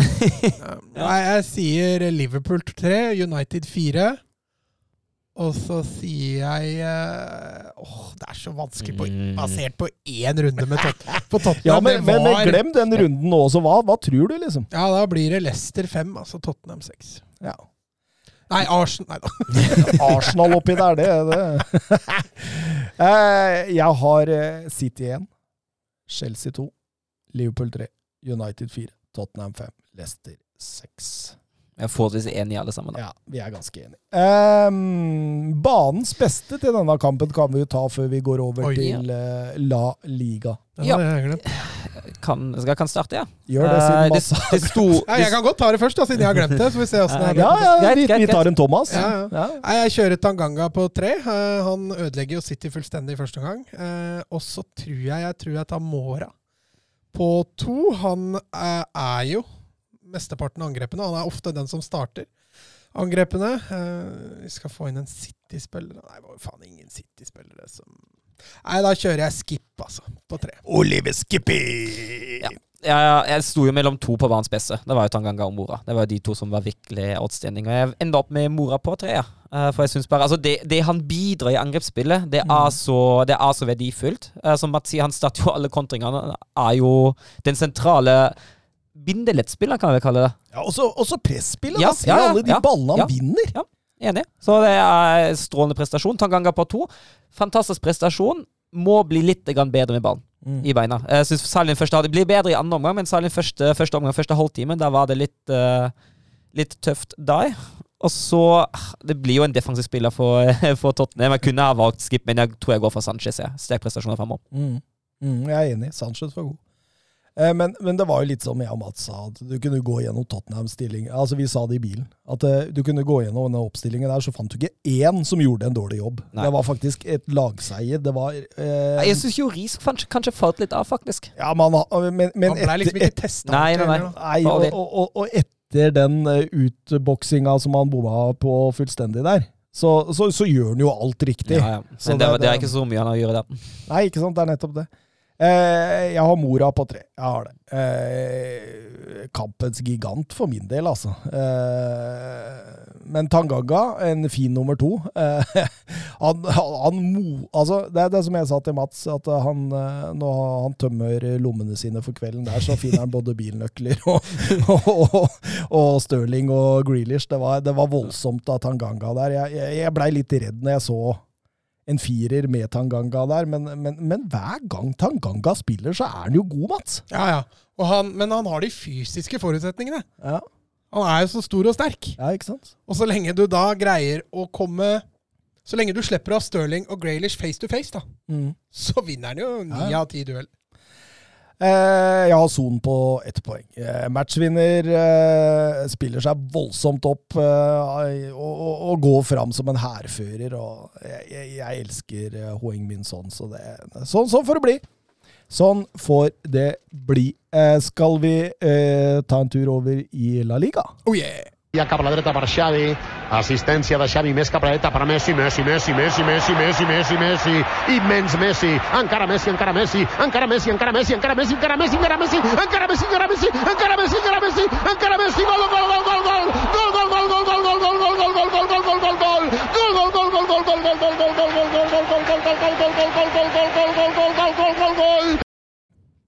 Vi skal eh, til Deportivo Alaves mot Real Madrid. Og eh, ja, eh, altså Det, det var en hårete førsteomgang av Real Madrid, syns jeg. Ja, jeg synes, altså, Alaves tar dem jo litt på senga i starten der, tror jeg. Ja, det, ja, men det var veldig bra i det høye presset. Utrolig Ja. aggressive. Eh, Real Madrid sliter eh, voldsomt med å både spille seg ut og skape etablert eh, spill på Alaves banehalvdel. Eh, og Alaves prøver jo så godt de kan å ta kontringene, men, men det er ikke noe sånn uh, Bergwijn og, og um, Lucas Mora på den banen der. Så de er jo ikke like giftige, da, men, men de hadde jo et par veldig skumle tilløp der. Og, og Real Madrid med litt mer utur der, så hadde Alaves skåra. Altså. Artig den uh, topptrioen til Angelotti der, med Azar, Benzema og Bale. Mm. Henta litt forskjellige kulturer og spillertyper, ja. Og plutselig var eh, Wales Golf Real Madrid i that order og glemt. Ja. Hva var det nå? Eh, nå er det sikkert eh, Wales Golf Real Madrid. men, men, men, men det er jo Bale som kommer til det lille de har faktisk i Mm. første omgang. Eh, Et par eh, ålreite forsøk. Ja, og så er det jo et par innlegg som Benzema nesten kommer på, for det er en eh, Alaves-hode alltid i veien. Men det blei liksom en sånn omgang for Real Madrid at det blei bare nesten. Um, og så uh, kickstarter de jo den andre gangen og spiller fletta av Alaves i andre gang. Og, og her tror jeg vi ser mye av forskjellen på Angelotti og Zidane. Og det er en manager som faktisk kan justere og gjøre de nødvendige grepene for å bikke sånne kamper mer i Real Madrids favør. Nå sier jeg ikke at eh, Real Madrid hadde vinnet, ikke hadde vunnet den kampen med Zidane, for det kunne godt ha gjort. Men jeg syns den forskjellen du ser på Real Madrid i første og andre omgang, den er såpass vesentlig at eh, Han har justert litt der. Ja, ja, og det er greit nok Alaves sikkert også begynner kanskje å bli sliten og alt det der også, men eh, jeg syns Real Madrid fremstår langt bedre i den andre omgangen. Karim Benzema gjør 0-1 der. Bale som løfter til Vasques inn på Hazard med en sånn C-moment der. Men altså, prøver Bale egentlig å finne Benzema der? Jeg tror han overhits, altså. Jeg tror han overhits en overhit, en klassisk en. Men eh, Benzema er nådeløs. Benzema er nådeløs, og den eh, flikken til Hazard, den er jo, eh, den er jo nydelig. Mm. Og, og etter 2-0 til Nacho der, så, så forsvinner jo en del av energien. Som, Ja, fordi du, du, det, det ser du veldig, fordi Alaves, uh, Alaves begynner jo å re- reagerer jo med å være offensive og nesten litt sånn sinte. Og Naiv, litt naiv. Ja, naive, og, definitivt. Uh, åpner kontringsrom til Real. Uh, og etter 0-2, da går altså- luften litt ut av ballongen. Dette har jeg sagt før også om lag som er underdogs. Altså, du kan ikke tape dødballkrigen. Og når du får 0-2 på en dødball, på en spiller da som kanskje er en av de viktigste du må markere, det må være fryktelig frustrerende. altså. Ja, absolutt. Og, Altså, altså, altså det, som, det som var frustrerende mot slutten mot Alavesta etter 0-2, eh, begynte å stå høyt, men det ble såpass lite Altså såpass dårlig gjennomført at det var sånn null problem for Real å bare vende av til presset og bygge opp og utnytte det rommet. Ja, og- ja. Men det er jo også som Thomas sier, altså, altså du ligger under 2-0. Du føler du egentlig har gjort en OK kamp fram til da. Du mister litt motet. Fordi aggressiviteten i presset til Alaves det bare dabba jo ganske kjapt av når 2-0 kom der.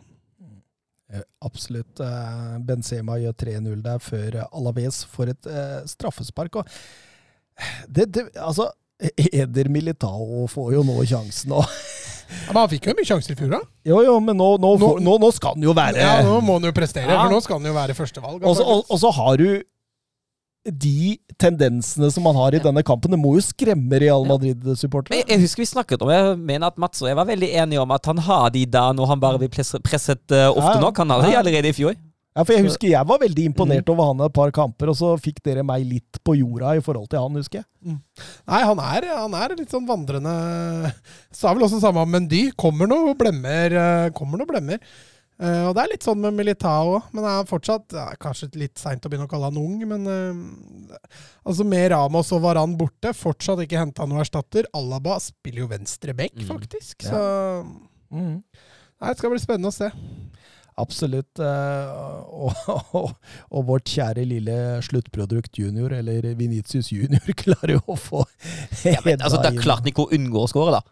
Nei, jeg, syns jo det var da.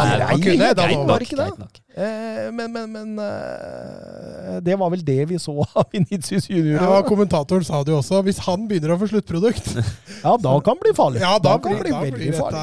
kan det bli bra. Men, eh, men vanskelig start. Kommer inn i det og, og moser Deportivo Alaves i annen omgang, kan man si det sånn? Ja, ja, utvilsomt. Mm. Og så kommer jo skåringene i riktig tid, da. Skulle det drøyd enda noen minutter til før Real Madrid hadde fått skåringa si, så kan det hende Alves hadde kommet litt inn igjen. Men, men de får to kjappe i andre omgang, og det, det preger jo. Absolutt. Eh, Courtois har 100 La Liga-kamper for Real Madrid nå. Kun sluppet inn 84, og feiret det med ny kontrakt til 2026. Ja. Så eh, ja, nei, en god start av Real Madrid tross alt, selv om det så litt eh, svart ut i første omgang. Det må være lov å si. Eh, Celta Vigo, Atletico Madrid. Det blei en Atletico Madrid-kamp, hvis man kan si det på den måten. Fy faen, så kjedelig. Ja. ja. Oi, jeg jeg blir helt fra meg. Så i hvert fall fram til, frem til sånn overtida. Ja, det Ja, fem minutter på overtid, da, Ja, da da, da, begynte det å å skje litt. Men, men, eh, men Eduardo Codé har jo fått litt eh, kontroll på dette Celta Vigo-laget, Mats. Ja, men jeg mener, husker jeg skrøt av han når han tok over òg. Eller ikke idet han tok over, men, men han fikk dette på glid. Eh, Jeg syns ikke de Celta gjør seg bort i den kampen her. Det er bare det at de møter, de møter et lag som er fryktelig gode på å være i Atletico Madrid. Ja, det er nettopp det. Er er det ja. Ja, altså Angel Korea, da, som kanskje slo litt gjennom i fjor, fortsetter der hvor han gjør nå. Thomas LeMar syns jeg ser veldig frisk ut. Um, også, så, jeg, tror, eh, jeg tror dette Atletico det er tøffe videre, altså. Absolutt. Men, men, men, bare se, at de skårer med Angel Korea etter eh, 22 minutter. Og fra det målet så finner de ut at nei, nå skal vi ikke spille fotball mer. Men altså, jeg føler jo ikke Altså, ja, de, de styrte jo banespillet før, men hvis du ser på angrepsspillet der Så det eneste de gjorde, var jo å kom, prøve å komme seg rundt på høyrekant, og så gikk de seg faste, for det blir så isolert. Det hadde ingen å slå inn til. Det var ingen bevegelser i mellomrommet, så det var ingen alternativer til å, til å komme seg ut av den situasjonen. Det var ingen alternativer til å skape noe. Eh, det sier vel sitt at eh, Korea skåra på det første Atletico skapa som har en XG på sånn ca. 0,05. Mm. Sikkert. Mm. Eller Absolutt. 0,1 maks. Men Nå er eh, Atletico Madrid heftig linka til både Mateus Cunha, eh, Vlahovic i Fiorentina og Rafa Mir. Hvem, hvem av disse kunne passa best, Mats? Ja, Rafa Mir eh, skal jo være veldig nære, da. Eh, Og det er jo en, en Diego Costa Light, tror jeg. Ja. Bare kanskje litt mer målfarlig. Var jo også med i Spanias OL-tropp, så det, det er en spennende type, det. Eh, Cunha er jo ikke helt Atletico-typen. han? han, han, er jo, han, er jo, han er jo mye mer enn Han er ikke helt en spiss, tenker jeg. Han er jo litt Altså, mer med Dembélé borte og Suárez hvilt på benken nå, så ser du altså det er eh, Det var Angel Correa og eh, Carasco som figurerte Ja, som spisser. Og jeg føler jo at altså, hvis, du, hvis du får en spiss inn da, kan du jo trekke en av de to inn i den rollen som Kunja egentlig er best på. Det er i hvert fall Korea. Carasco mener jeg. Altså, Ja, ja, en wing- wing- ja. Er jo Ja. han egentlig best som, så han, han spiller litt uh, ut av posisjon i den kampen her, syns jeg. Carasco. uh, han brenner jo også en kjempesjanse aleine med keeperen her. Men, men, men alt går jo etter eh, Atletico Madrid sin plan, og så får de et straffespark imot seg. Det er- er det straffesparket litt strengt? Jeg tenkte på det samme. Hvis, hvis du tenker på den Vaskes hadde mot Alaves, Mm. og den nå Jorente hadde mot uh, Mot uh, Herregud, altså Celta. Um, det, det er jo nesten den samme situasjon. Mm. Og den Ja, ene ja, blir Det ser så mye mer bevisst ut, det Jorente gjør. Jeg, Ja. jeg, jeg, vet, jeg tror ikke han gjør det bevisst, men det ser, fordi du ser han er ute og vingler med arma. Ja, men det gjør ikke Vaskes det òg? Ja, men den har også treffer den jo armen bare én gang. Ja, Ikke det ja, at ja. det skal spille noen rolle, men altså, den, i Rente går jo opp arm, arm, og så Jo, ned i beina, mens øh, Vaskes er jo bare så vidt innom. Men jeg er, helt, e- jeg er enig. Men altså, han drar jo en kjempefordel av Jurente ved at den går i hånda på den. Mm. Mm. Og det er jo litt det jeg også tenker. da. Altså, Ja. Får du en fordel ved å ta hens, da må vurder, vurder, vurderinga for straffe kanskje være litt hardere. da. Iago Aspas eller Oblak feil vei. Og så, og så tenker du at ja, nå skal Atletico Madrid få kjørt seg, og så tar det tre minutter. Ja, men altså, det, det er jo så naivt av Celta. Altså, Atletico slet mot etablert forsvar så lenge de spilte mot etablert forsvar. Når, når Alaves må, nei, unnskyld, Celta måtte bli mer offensive, da ble det litt mer kontringsrom. Men det var ingen grunn for Celta å bli så naivt offensive rett etter å ha fått 1-1. Fin ball av Saul. Ja. Han var jo eh, også sterkt linka bort. eh, Ser ut som han også blir eh, Får Atletico på plass denne midtspissen sin nå. Det blir, det blir ikke så gærent i dette Atletico-laget. Altså. Angel Korea har seks på sine siste ni. Det er det samme antall mål han hadde på sine foregående 49, så han, han er jo en streak. Han, går i, han er i gang. Ja, han er det. Eh, og, og, og etter der så er det jo Celta, Celta, Celta, og særlig mot slutten der så har vi noen voldsomme Ja, sjanser. Og jeg, jeg syns Celta fortjener poeng her, men Ja. Og den, den kjempe Aspas der og runde keeper. Og det, Ja. altså, åssen klarte han å bomme på den? altså, han er vel venstrebeint, så det er vel der Men altså, eh, fortsatt altså, en spiss på det ja, ja, nivået skal ja, ja, det er en dårlig unnskyldning, men uh, det er en unnskyldning, i hvert fall. Uh, men uh, ja så, så, så, så, så ryker laga i tottene på hverandre så det synger. Og jeg forstår Celta Vigo der, fordi de er på full fart oppover. De, de, de, de, de skal ta Atletico Madrid. Det, det, altså, og så legger Suárez seg ned og holder seg til beinet. Og så blåser dommeren av det der. der. Da, da skjønner jeg det går en kule varmt, altså. Ja, jeg er helt enig. altså Dommeren skal ikke nødvendigvis for en, for en Det er bare hodeskade hvor han Men igjen, da, det er dommeren som bestemmer når han blåser, selvfølgelig. Men, Men, eh, men, men det er Louis Suárez òg. Altså, det, er, det er ikke altså, store sjanse for at han hadde veldig vondt akkurat der. nei, nei. Men kynismen lenge leve. Kynismen lenge leve, og det var ikke Hugo Mayo Enig. Han og Mario Hermoso mista totalt hodet, fikk eh, røde kort eh, begge to. Eh, Begge laga fløy på hverandre der, og um, Ja, nei, det Det var litt Det ja, var det, liksom det som manglet de første 90 minutter. Det kom på overtid. ja, det var gøy. Det var gøy. ja. Eh, Malaga er siste lag som slo Atletico Madrid i åpningsrunden. Det de gjorde dem i 2009. Ja, det var to år før Simione kom. det. Mm. Eh, Oblak eh, runda nå 304 eh, Atletico Madrid-kamper, eh, og er dermed den keeperen i Atletico Madrid sin historie med flest eh, kamper. Mm. Hyll, hyll Jan Oblak.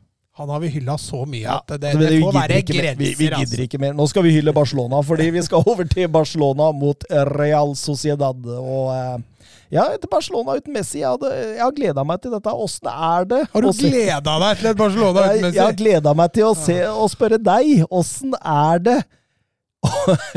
altså, her snakker vi om tidenes fotballspiller. Din, altså, det, det, er sammen med Ronaldinho din grunn til at du elsker fotball så høyt som du gjør. Du elsker, Barcelona. Ja, Ja. og så forlater han Mats. Dine ord nå. Det, det, kjør på. Ja, nei. Altså, den eh, kvelden, når, eh, eller den dagen, eh, når det ble klart at Messi eh, skulle dra altså det, det, var, det er en av de tyngste dagene som Barcelona-supporter eh, noen gang. Altså, Én ting er at han drar, og man er vært mentalt forberedt på at dette skjer en gang. Men det kom så veldig ut av det blå. Mm. Og det, det gjorde at du, du går inn i en liten depresjon. Og jeg sa det jo også til deg i bilen på vei hit, at eh, jeg vet da fader om jeg orker å se Barca eh, den første kampen nå. For det, det er så Altså, det var så sårt, da. Mm. Og så i tillegg da går til PSG, liksom. Nei, det var eh, Det er fryktelig, fryktelig trist, altså. Men, men, men dette er jo et resultat av, av ja. Jo, jo, og jeg irriterte meg over det, og var forbanna over det noen få minutter, men, men samt Altså, det er så Jeg føler det er så Ja. Du kan takke Sandro Rosell, Bartomeo og hele røkla der, som har drevet klubben i et økonomisk vannvære som ikke ligner grisen, Mats Granmo. Jo, og, det, det, og dem takker jeg. Men altså, greia her er jo det at eh, jeg, jeg følte jo der og da at gir dere opp allerede nå? Ja. Det er en måned igjen av overgangsvinduet. Uh, dette må jo være mulig å få til. Ja. Og så er det klart Du leser deg opp og ser at Barca har jo kjempetrøbbel, så man skjønner jo kanskje vurderinga. Og i tillegg da dette kredittgreiene som skal inn som sponse og, havner i enda mer uføre og sånne ting. Men nei, det var, eh, det var blytungt, altså. Det Du- er blytungt. Ja, Du holdt en liten tirade i bilen der eh, angående Moriba-saken, angående Bartomeo. Det er, men det er, det er generelt hardt å være Barca-supporter nå. Ja. Eh, du har den Moriba-saken som du nevner. Du har den ordkrigen som pågår nå. Hvem sin skyld det er at de er der de er. Eh, tribunen holder på å dette ned på kamp nå, så den må jo pusses opp. Altså, altså som jeg sa til deg, altså, et, et, et fornuftig budsjett da, i en fotballklubb inneholder mellom 50 til 60 er spillelønninger. Mm. I Barcelona så er det 103. Og det er uten Lionel Messi. Ja. Altså, hvor trøbbel er ikke den klubben i økonomisk? Jo, særlig når disse Coutinho, Langley, alle de sitter der og ikke vil bort fordi de tjener så uhorvelig bra. Ja, og så Coutinho, da, som Barca nå, altså de, har jo nå som mål, skjønte jeg, da, å få bort kvitt i hvert fall to til i det Mm. overgangsvinduet her. Umtiti og Coutinho, det var liksom pri 1 og 2. Før sesongen så var det jo mange flere. Det var jo Braithwaite, og det var Lenglet, og det var, ja. det var mange flere. Og Pjanic. Ja. Men nå tror jeg de har gitt opp litt, og så bare konsentrerer seg om dem. Eh, og skulle Coutinho spille ni kamper til, så er det 20 millioner euro til Liverpool. så bra deal i det, altså. Det verste er at eh, Barcelona kunne da gitt den ni kamper til. sånn som det har blitt styrt tidligere. Da, Ja, ja, ja. Og, men, men altså, han var ikke på benken engang mot Sociedad. Nei. Eh, sånn at, og han er jo skadefri. Han har jo trent. Han kunne sittet på benken. Og leste rykter nå om at de nærmest hiver den til Lazio, så får vi se om de sluker agnet. Ja, Og de kan jo hive en hvor som helst, men hvis han skal ha, ha den lønna han har i Barcelona, så er det jo veldig få som kommer til å Ja, ta sant? imot dette. Og det er jo litt sånn, altså Barca er jo ikke i den posisjonen hvor de kan beholde spillere på tribunen og betale lønn. Nei. Så de, de er jo i en fryktelig vanskelig situasjon. Jeg så Laporta prøvde å beroe supporterne med å si at uh, i løpet av to-tre år så er vi på fote igjen, liksom rent økonomisk. Men klubben har altså en gjeld på over 11 milliarder kroner. Mm, mm. Altså, Og, er nå, så- og nå har han mista det største trekkplasteret Ja. i forhold til økonomi. også. Ja, og som jeg sa til deg, altså de, de delte jo 30 000 plasser til Sosiosene, altså de, de eh, medlemmene i, i klubben, da, og bare 15 000 av dem ble henta ut. Så mm, det, det må snu litt. eh, Det må, det må, dette her er en prosess som kommer til å ta mye lenger enn to-tre år. Dessverre. Blir du trist, Søren, du også? Ja, det er jo glad veldig, i sy- Barcelona. jeg er veldig glad i Barcelona. Det er jo synd. Det er jo uh, Være så frustrerende at jeg føler at både Wolfsburg og Barcelona Barcelona er selvfølgelig i mye større grad, men det gjøres så mange enkle feil når man har suksess. Og det er liksom det som er irriterende. At Men, men, men husker du ikke tippeligaklubben, da? Når, når de fikk denne avtalen med TV 2 og sånt, og, og dem Altså, la oss ta klubben vår, da. Lillestrøm, som bare heiv ut millioner i, i spillelønninger. Og så kom jo den sure oppvasken, og den har jo kommet nå. Ja. Og, og da, da må du ta den, da. Da må du kanskje senke ambisjonsnivået litt eh, i noen år. Eh, altså, eh, uten at den nødvendigvis merkevaren Barcelona vil, vil gå under, da. Og, og, og, det klarer klubben, men det må et skippertak til nå. Mm. Og, det har jo begynt, det ser man jo. Ja. Uh, det, men det skippertaket kommer til å vare.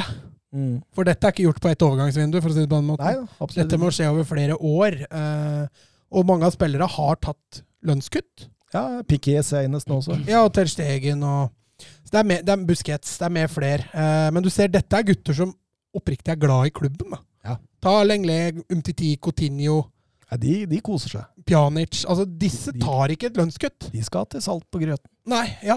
Helt riktig. Ja. Og hvis de hadde bare greid å bli kvitt alle disse, Mm. så ville de jo da havna under, sånn at eventuelt også Messi kunne Ja. signert. da, For det så mange som skrev altså ja, Han kunne jo spilt i Barcelona for null kroner hvis han er så glad i den klubben.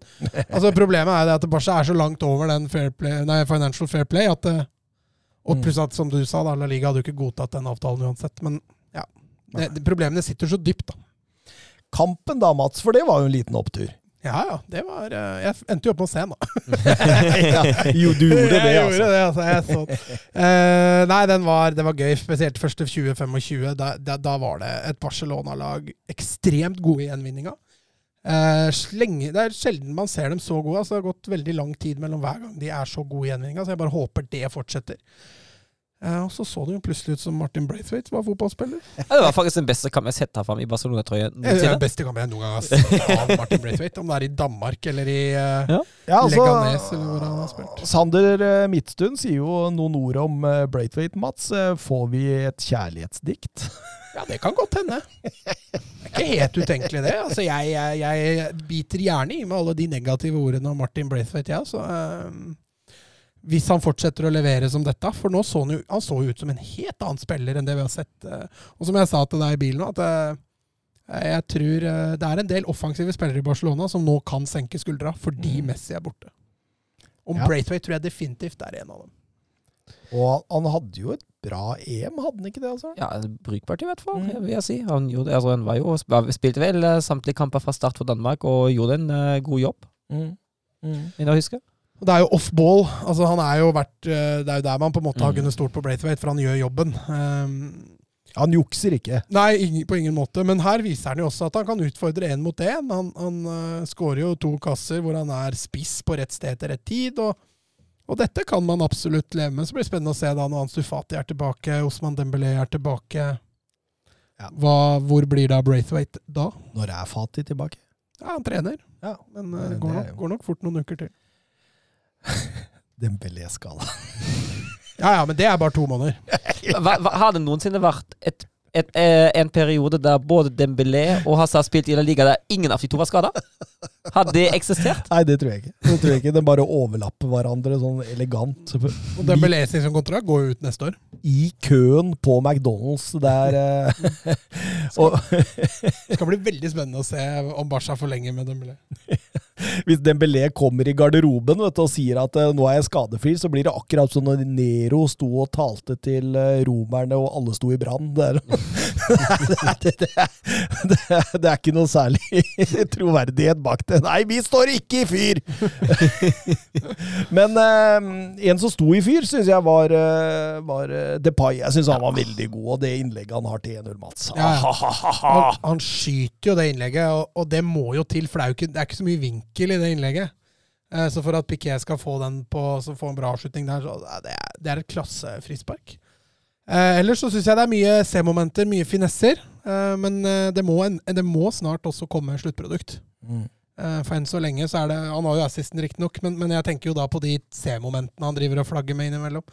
Hvis dette begynner å ende i, C- i sluttmoment- eh, sluttprodukt etter hvert, da kan dette bli knallbra. Grismann var også bra, Søren. Ja, enig. Og altså, alle de, og, det var jo mange som var bra i bassa da. Ja, det var det. Jeg lot meg også imponere av Frenkie de Jong. Ja. Jeg syns han, eh, han styrte sjappa på midten der på en uh, fantastisk måte.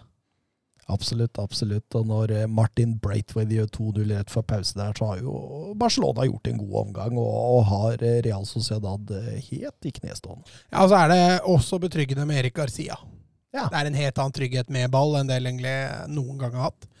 Uh, så Piquet Garcia bak der i framtida, det, det tror jeg kan bli veldig bra. Og så virker det nå som Arojo er tredjevalg.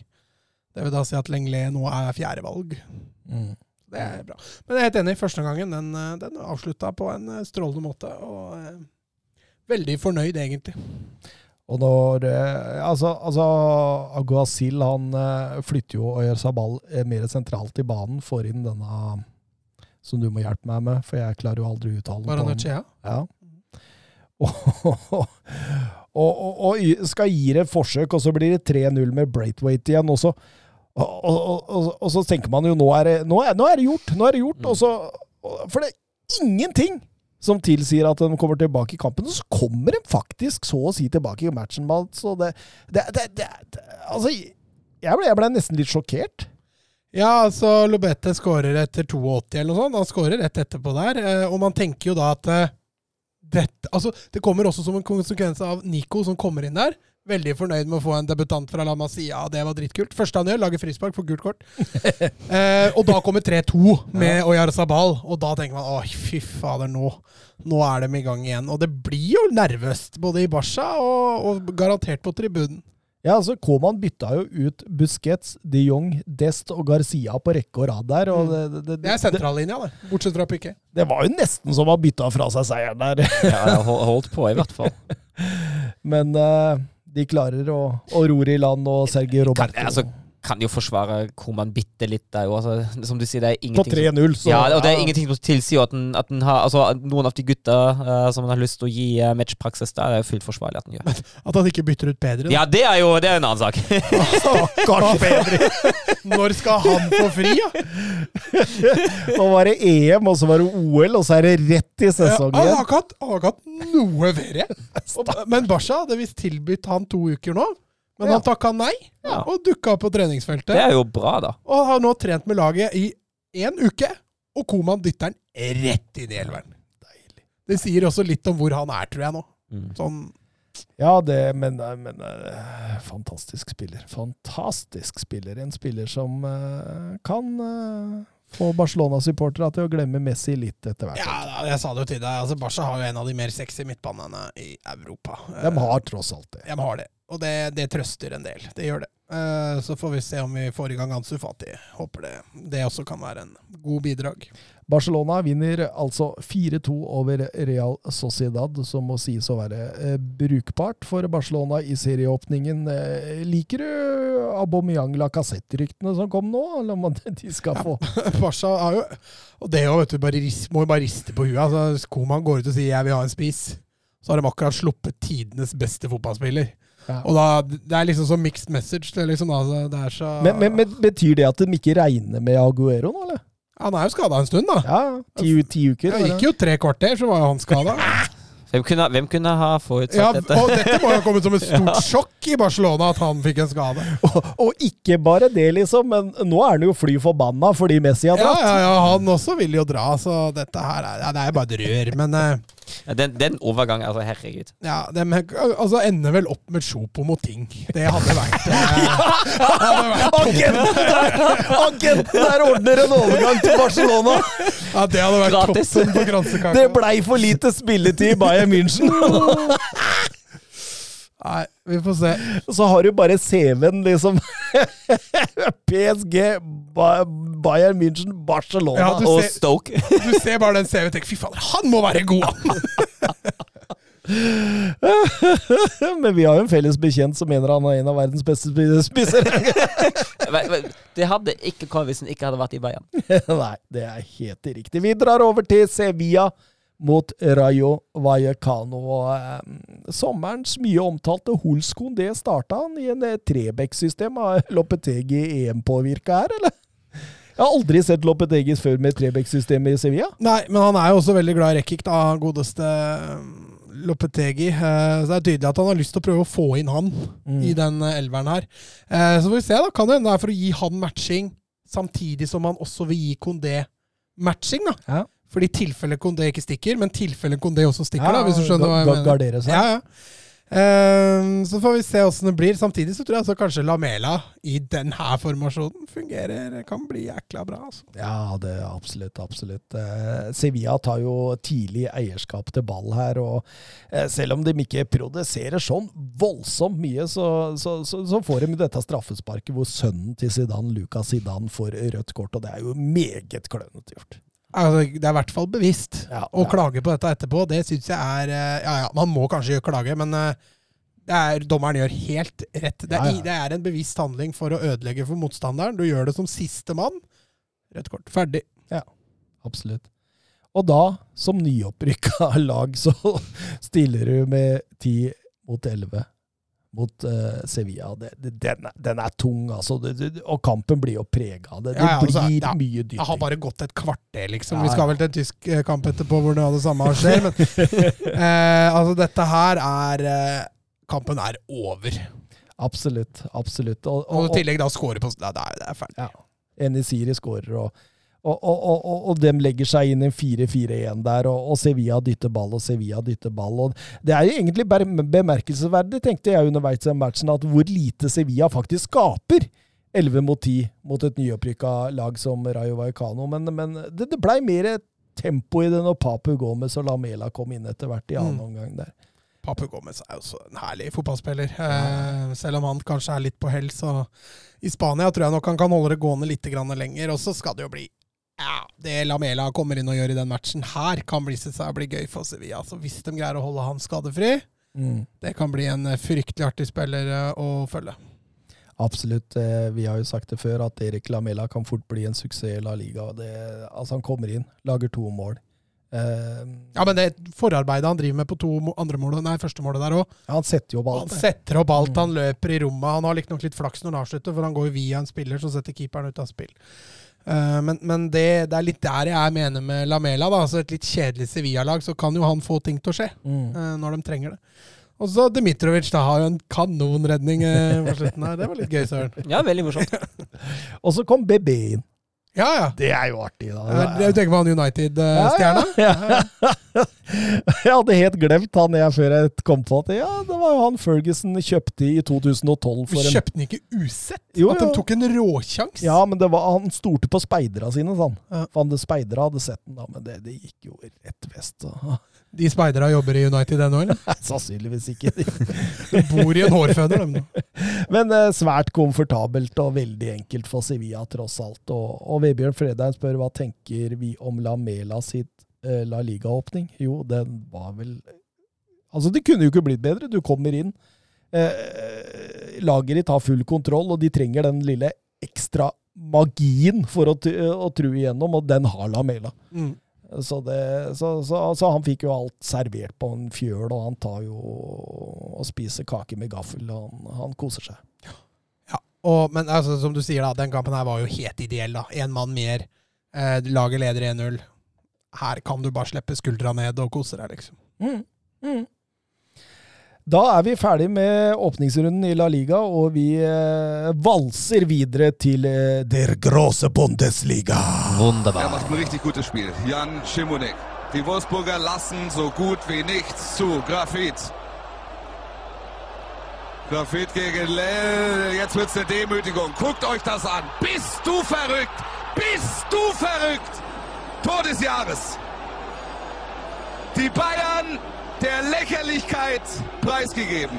Da begynner vi med ja, vi kan kalle det storoppgjøret. Borussia München-Gladbach mot eh, Bayern München. Og eh, jeg syns Adi Hytters eh, Borussia München-Gladbach går respektløst til verks, jeg, Søren. Ja, fryktelig bra start av, uh, av München-Gladbach. Presser høyt, av aggressive. Uh, stenger av Bayern fullstendig. Bayern kommer seg jo nesten ikke ut av, av egen halvdel i, i perioden der. Og en god del rom bakover, som etter hvert også blir, uh, blir utnytta. Fryktelig enkle pasningsfeil i tillegg av Bayern, det skal jo sies, da. Og De, de så nesten litt paniske ut. ja, jo, og når, når Davis går seg fast etter, du, har jo, du har jo den første sjansen allerede etter tre minutter, uh, men når Davis da går seg fast mot to eller tre etter ti, og så blir det jo uh, 1-0 i sekken. og det var litt som Bayern var de første ti minuttene, og det var helt fortjent at Glattberg tok ledelsen. Og Noyer, da, som jakter denne rekorden over um, over clean sheets. Ja, flest uh, ja. Ja, han har den eh, delt med Oliver Kahn på 204. Mm. Jeg tror det var litt irriterende når, eh, når Davies sier den gavebaka gavebakka bort, altså. Ja, han hadde voldsomt trang start. Han Davies Ja. kom seg litt utover, men eh, Men, eh, Altså, med Davis i den kampen, jeg syns det han gjør i siste tredjedel, eh, det er til tider veldig bra. Eh, det han gjør i de to andre tredjedeler, og særlig i, uh, i frispillinga, det er ikke nødvendigvis så bra. Men hvor mange straffer burde egentlig Opamecano fått mot seg i løpet av matchen? her? Ja, det kunne vært hat trick. Det Ja, kunne, det kunne vært hat altså. To stykker burde han ha Ja. dømt. De to på slutten, ja. Og den ene der, den er jo egentlig skandale at det ikke blir tatt. ja det, det- hvor, hvor jeg var. Ja, Hvor jeg var. hvor er VAR? ja? Ja, at den ikke, altså, at den ikke blir altså det, det altså det som blir kritikken i tyske medier. At hvorfor går ikke dommeren ut på skjermen og ser den på den igjen? Og det er jeg jo helt enig i. Hvorfor? Absolutt, absolutt. Da, altså, altså, øh, hvis vi skal snakke litt dommere, da, så syns jeg Altså, Premier League nesten feilfritt. Mm. La Liga nesten feilfritt. Eh, Bundesliga hadde denne, ellers så var det ganske bra. Det ja, ja, ja. Eh, Det jeg har sett av fransk, eh, stort sett bra. Altså, det, Det, det, veldig sjelden man liksom ikke har For vi har jo veldig og, og, i, I hvert fall i Premier League da, så har det jo vært sånn at eh, De har jo sagt at eh, nå skal vi heve eh, standarden, både på å få straffespark, på å eh, få frispark. Eh, vi skal rett og slett bare Ja, altså Snakker de ikke om EM-nivå? Jo, EM-nivå. Og det, det, det, det, fungerte strålende i Premier League. ja, det, det er fint om dommerne også er på EM-nivå, for jeg syns dommerne på EM var bra. Og Ja. hvis eh, dommerne tar seg et eksempel på det nå i ligaene, er jo det bare positivt. Ja, absolutt. Eh, Men, men, men, men samtidig så begynner jo maskineriet til Bayern München Ja, å ta over mer altså, og mer. Ja, jeg synes jo etter, altså etter 1-0 du får en reaksjon. Du har jo en eh, sjanse ganske tidlig da. Uh, og så tar Bayern altså, Det blir litt mer på tvers. Det blir litt roligere oppbygging istedenfor å løpe inn i det presset hele tida. Det vendes litt mer av, uh, og det hjelper veldig. Samtidig syns jeg også at bevegelse sentralt i banen og alternativene som skapes der, det blir også bedre. Og så, og så når Bayern kommer seg uh, forbi presset til Mönchenglattberg, så er det jo mange gode bevegelser inn i boksen. Mm. Og de løpene de tar på topp, rokeringene de tar på topp, det ser jo bra ut. Selvfølgelig var det Robert Lewandowski som skulle skåre rett før pause. Ja, men han uh, kunne slash burde kanskje ha skåra tidligere òg. Det burde han, men eh, det var jo ikke noe overraskende, Mats. At det var Lewandowski? det? Ja. Jo, jeg ble tatt litt på senga der. så Han ville jeg ikke satsa som første målskårer i kampen. Det var så lav odds, så der gadd jeg ikke ha sett noe på. det er nydelig, nydelig. Um, men, men samtidig, da, så er det jo Altså, når eh, Adi Hytters, dette voldsomme presset som han også har fått til en del i Frankfurt. Når dette fungerer, så sliter jo åpenbart eh, eh, Bayern München, selv om ja, altså Kampen totalt sett så er det jo Bayern München mot Jan Sommer. Sommer Ja, er jo strålende. Som er strålende, er jo altså det, det han redda da ved flere anledninger. Han, han vinner jo privatduellen mot Norske 3 eller 4-1. Ja, han gjør det. Han gjør det. Absolutt. Og, og det, det, det, er, det er nesten one way traffic der. Men det er én som jeg bet meg litt merke til på, og det er Joe Scally. Ja, han var jo han var strålende. Ja. Han er jo 18 knapt, nok, ja, knapp nok tørr bak øra, Ja. men, eh, men spilte jo som om han skulle hatt eh, 200 Bundesligakamper ja. i beltet. Fikk en, eh, fikk en god oppkjøring òg. var strålende. Uh, Remi Benzebaini er ikke helt klar ennå. Uh, nå har Mönchengladbach altså henta Netz, en ny venstrebekk, 18 år gammel, stort talent fra, Hertha Berlin. Fra Hertha. Mm. Eh, så nå, nå skal det bli en del konkurranse men Joe Skelly, jeg syns den debuten var overbevisende. Mm. og jeg tror ikke han trenger å gjemme seg bak de to andre som er der. Fjerde amerikaner i Borussia München-Gladbach. Veit du hvem de tre andre er? Fabian Johnson var én. Mm. Uh, var ikke Brett Freed Nei. Nei, du er, du, er, du er nesten der. Nei, det var, Team nei, Howard! K- K- nei, Casey Keller var det. Casey Casey, Keller. Og så den tredje tror jeg du må gi meg hint. Eh, sønnen til en profilert Stabæk-spiller. Ja, Nei, trener. Michael, Michael Bradley. Ja, selvfølgelig. selvfølgelig. Eh, jo, eh, men er, nå kommer vi jo til det Mats var inne på her nå, da. For nå, nå, det, det, på slutten der så er det jo to enorme straffemuligheter til Altså, de skal jo få straffe. Ja, det synes jeg. Og det er Opa Mekano som er eh, synderen i begge to. Han havner jo på etterskudd, eh, og river jo bokstavelig talt ned Turam der. Den ene hadde kanskje vært litt billig, men allikevel lett å forsvare. Den andre syns jeg er soleklar. altså. Ja. Tenker, du på den, eh, tenker du på den første som var soleklar? Ja, ja. det tenker jeg òg. For jeg tenker den, den andre Ok, da- er det litt sånn Altså, det er kontakt, men kan forsvare og ikke gi den Altså, første. der, han detter jo Ja, han detter litt litt- ja, enig, lett. det- Så, Men den, den første tenker jeg altså, da blir en sparka ned på åpent mål. Altså, Hva skal egentlig til for å få straffe? Det er helt vilt. Men uh, det er vel kanskje som du sa, da, at dommerne dømmer litt pro eh, Bayern München. Ja, det er altså, I hvert fall hadde, det de sier i Tyskland, er det ikke det? Ja, jeg hadde, altså, ja, Det hadde vært interessant å se. Han var jo veldig hypotetisk, og jeg liker ikke sånne konspirasjonsteorier. Jeg hadde, likt, gjør jeg. jeg hadde likt å se hvordan det hadde vært uh, omvendt. Hvis, Hva hadde skjedd hvis Lewandowski hadde blitt meid ned av Elvedi på andre enden? Det skal jeg samme- fortelle deg. Straffspark. Ja, det tror jeg òg. Eh, Wolfsburg-Bochum, eh, Søren, den er din. Den Ja. rakk jeg, jeg rakk ikke å se den. Nei, Altså. det var jo mye press på Van Bommel før den kampen. her. Han har jo satt press på seg sjøl. Jo, jo, og det, det, det kan vi Vi kan jo starte der. Ja, vi kan starte der. Ja, ja. Nisselue på sier på Twitter her Få høre Søren sine tanker om Mark van Bommelens bommert. Om å sette inn en sjette spiller i ekstraomgangen mot Preussen Münster, sier jeg det riktig? Det er helt riktig, ja.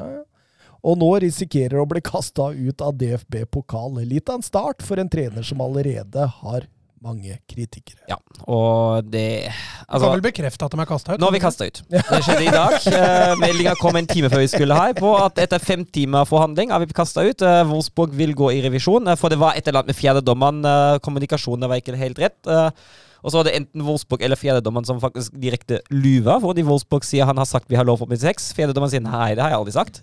Eh, men uavhengig av hva som skjer med den fjerdedommeren, jeg syns det er fryktelig pinlig. Det der må ikke skje. Da har du som hovedtrener et ansvar for at du faktisk kan reglene og ikke har sett Å, jeg har sett på EM nå, hadde lov meg seks Nei. ganger. Altså, Nei, Jeg er litt uenig med deg. Fordi med nye regelendringer og sånne ting, så er van Bommelen sitter ikke og leser nei, innbytterreglene. nei, greit nok, men Og- Men han bør ha en lagleder der, Ja. som skal kunne de reglene. Altså da, Hver linje skal han kunne ha de reglene. ja, og, og nei, og men, da skal han gå og prikke van Bommelen på skulderen Ja. og si du, hei, dette bør du droppe. det, er, det er det ene. Det, men det andre er hvis du går ut og spør fjerdedommeren og har såpass uttrykk på det, la vare. For guds skyld, den siste bytte, byttet var med Medi. Altså, det er så fint å ryke ut av cupen for å ha bytta inn Atmie med Medi. Det er helt nydelig! Og det kommer jo, altså det kommer jo etter en eh, altså, Det blir som Basha bytter inn Braithwaite i, Ja, i slutten av fotballkampen. Og og det kommer jo etter at van Bommel har jo Han har jo fått en tøff start, med tanke på at han Altså, han er jo Jeg personlig lurer på den fotballfaglige bakgrunnen. Det eneste jeg har lest, er han er ung, han er engasjert, han passer, passer til det laget der. Eh, men han ønsker jo å spille en helt annen stil enn det Oliver Glasner gjør. Han har jo helt annen stil etter at han har bygget opp tropp i to år. På Glasner-fotball flytter man inn en ballbesitter der, som trener. Hva i alle dager? Eh, Du var, neg du var negativ til Glasner i starten òg. Nei, jeg var ikke det. Jeg sa, jeg sa jo Det er første gang jeg var kjempepositiv siden Dieter Hekking. Husker, husker, husker jeg det. han? Jeg mener du husker han satt der og klaga. Ja, Ja, klar, så men mis- han, har, han har klaga, Ja, jeg var men, men, men han med- var ganske spent på Glasner. Var. Jeg var misfornøyd med en god del ting han gjorde. uh, men jeg, ansettelsen i seg sjøl syns jeg var bra. Ja, så Men- du hater ikke Glasner? Nei, Altså. selvfølgelig ikke. Jeg trodde du hata han. jeg. Nei, nei, Han hater ingen. nei jeg hater ingen.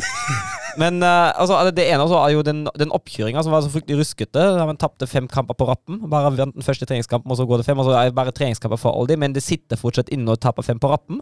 Og så kommer den Münster-kampen der med nød og neppe karver seg til ekstraomganger, for vi blir jo utlignet i 90. minutt. Fordi Münster ikke klarer å forsvare en kontring på 1-0. Det er jo eh, bra, det. Også. Men var det en bra kamp av Wolfsburg, det? Nei. Hadde jo, altså var jo best og skapte flest, men det var ikke en bra kamp. Det var ikke det. Eh, det var, altså I hvert fall i store perioder av første omgang var det faktisk ganske jevnt med et lag på fjerde nivå. Ja, det er slitsomt. Det er slitsomt. Det var ikke en bra kamp å se på i det hele tatt. Nei, og så hadde jo den der. Uh, så ja, han har satt fint press på seg sjøl. Mm. Og, og den kampen mot Borum, den, eh, den måtte vinnes, rett og slett. Ja, ja. Eh, Og, og det starta jo bra. Startet, altså det var jo mye action i starten. Du har jo, eh, etter ett minutt har jo Bako som dukka opp sju meter foran mål, helt alene og klarer å male den i tverrliggeren. Og så får jo Wolfsburg ut av den situasjonen, blir det corner til slutt, og da blir det hands på streken av eh, Robert Tesche fra Bochum, og dommeren går ut og ser på skjerm og dømmer straffespark til Wolfsburg og rødt til Tesche, som er helt riktig for en hindrer jo mål. Og så hadde, hadde Verros som bommer på straffe. Riemann redda. Sånn, uh, Han tar pol. Han holder den, altså. ja, han holder den, ja, faktisk. Han holder den. Uh, men altså Men tonen er jo satt. Etter, når det blir utvist etter tre minutter og spiller, spiller borte som nyopprykka lag mot et lag som spiller Champions League altså, Litt tilbake til Sevilla. Ja. Rayo Vallecano. De la seg også lavt i en 4-4-1, og Wolfsburg kjørte jo det meste. Eh, skapte ikke veldig mye i første omgang, men klart det, det klart beste laget. Veldig mye via kantene, veldig kantprega angrepsstil. Eh, vingene Steffen og Bako forholdsvis sentralt i banen, tar løpende mellom stoppa og bekk. Eh, og Verås skårer jo etter et innkast, faktisk. Mm. Og Wout Vegårs, dette var hans eh, 54. Bundesligamål. Alle måla er innafor 16-meteren. Og Da har han også skåra ti flere mål enn hele Bochum-troppen i Bundesliga. Ja. Ja, for det, hvor, Kjipt å møte Lewandowski etter hvert, da. men når var Bochum oppe sist? det var vel For de har 35 Bundesliga-sesonger bak seg. Ja, de har det. De, de, var, de var jo litt sånn, eh, litt sånn jojo-lag uh, slutten av 90- og 2000-tallet, og sist oppe var de vel rundt 2000 Å, herregud. 12-13-ish, tror jeg. 11-12-13-ish, noe sånt. Ja. Hvis det ikke var enda tidligere. Jeg møtte dem i hvert fall da vi vant gull i 2009, husker jeg. Yeah. Ja, men de, var, de, de slet i hvert fall lenge i andre bondesiga. Det var jo veldig vanlig at Bochum rykka mye ned, og rykka veldig fort opp igjen. Uh, men nå tok det lang tid før de kom opp. Ja.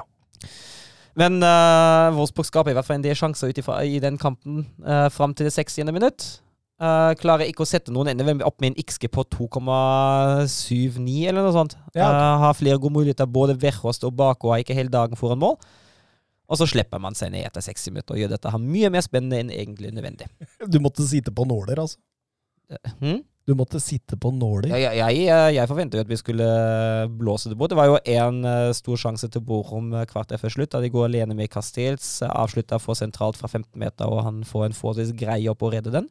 Mm. Men uh, at man ikke punkterer den kampen, det er det ene. Uh, og at man da spiller den siste halvtimen som man gjør, når man ikke har punktert kampen, og bare slipper seg såpass ned og mister såpass mye kontroll mot et nyopprykka lag som spiller med ti mann. Det er jeg sterkt kritisk til. Ja. Men det er jo noe man kan si tre poeng er tre poeng. Ja. Og det var viktig å ta de. Ja. For etter, etter straffebommen eh, regnet jeg nesten med at dette her kommer vi ikke til. Her, avgir vi poeng i første kamp. Altså. Jørn Henland spør på Twitter hva er tankene til Søren etter Wolfsburgs første kamper. Fortsatt like kritisk, eller er det noen lyspunkter? Sukker tungt. Nei, det, det, jeg syns det er vanskelig. Uh, jeg syns ikke det Münster-kampen var sånn superbra. Men det er første runde i cupen, og halvparten av Bundesliga-lagene slet faktisk mot uh, lavere motstand, så vi er ikke hengen for høyt heller.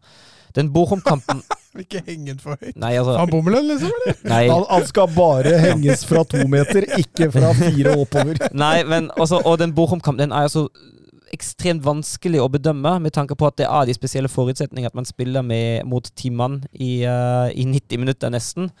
Uh, det som var jo Altså, sjanseskapingen var jo til dels veldig bra, Ja. eh, selv om det var lavtliggende.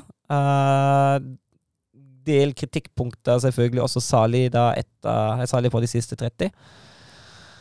Jeg er litt usikker fortsatt. Jeg er fortsatt, jeg er fortsatt kritisk. Jeg mener fortsatt at Mark van Bommel var feil ansettelse. Ja. Uh, men jeg håper at jeg tar feil. Det er lov å håpe, Søren. Ja. Det er lov å håpe. Nå skal vi over til eh, Dortmund mot eh, Frankfurt, eh, og fotballen tilhører Norge! Åh, det er så slitsomt.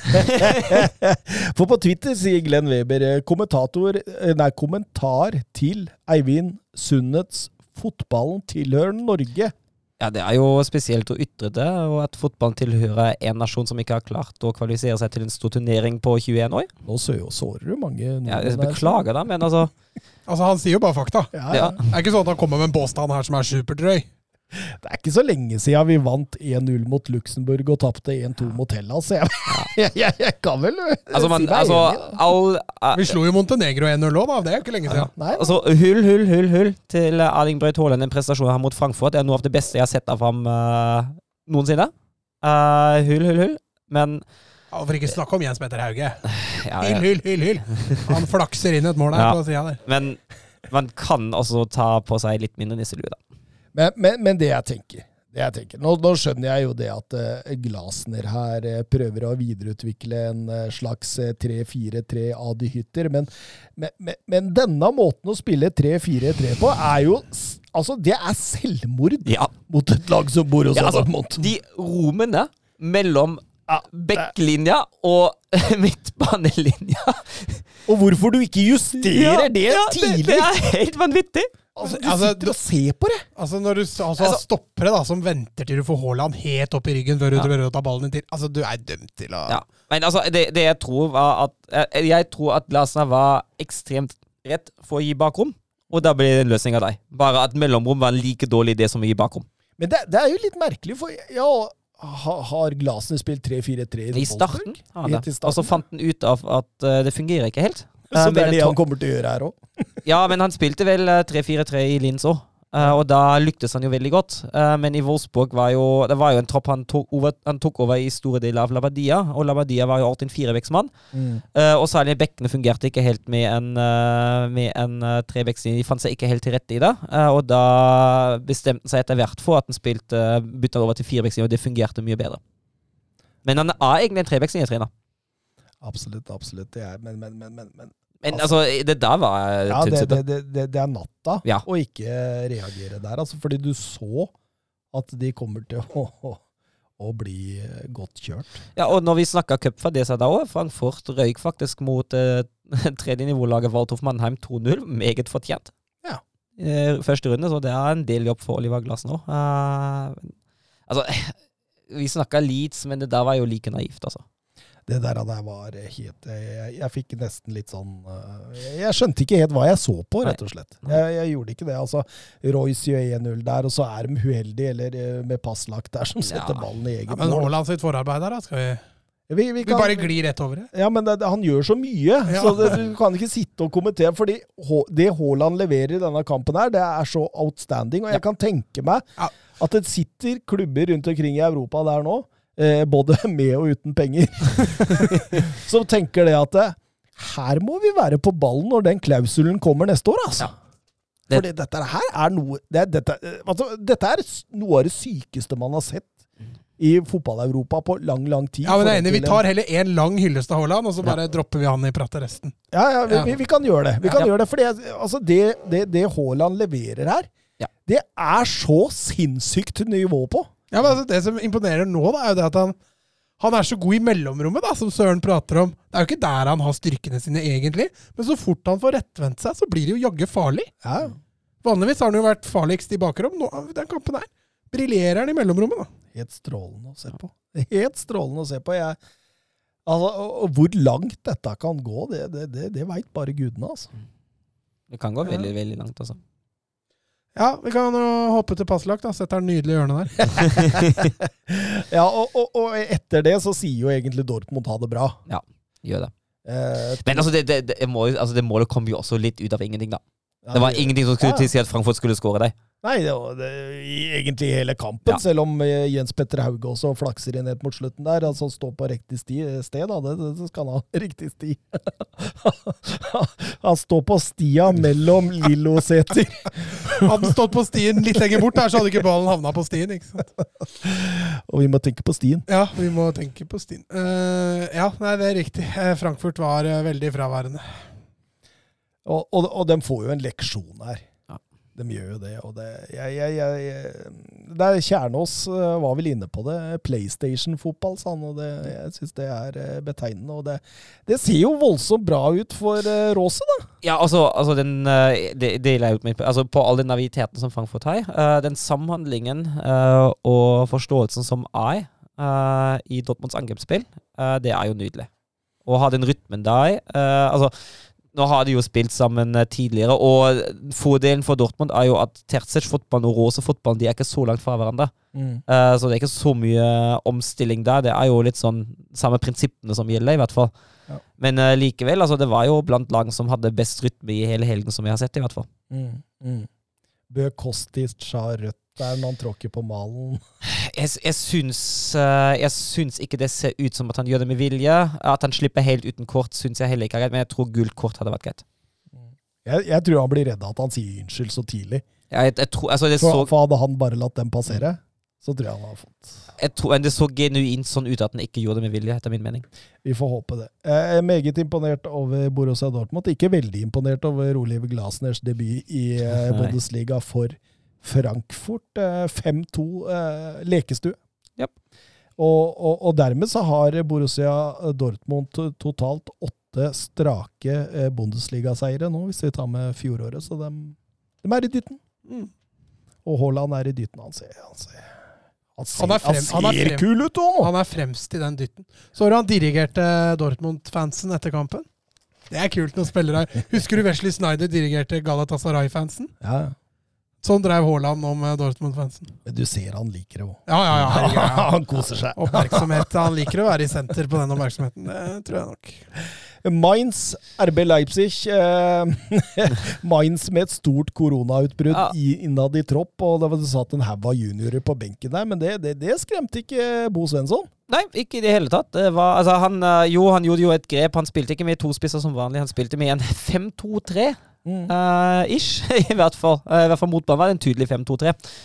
Uh, men elleve spillere ute enten med korona eller i karantene, så da røyk det en eh, god del. Men han finner løsninger, og den eh, første halvdelen av første omgang, den er strålende bra av Mainz. Ja, for her, Passivt også av Leipzig. Ja, ja. Skuff, veldig. veldig skuffende.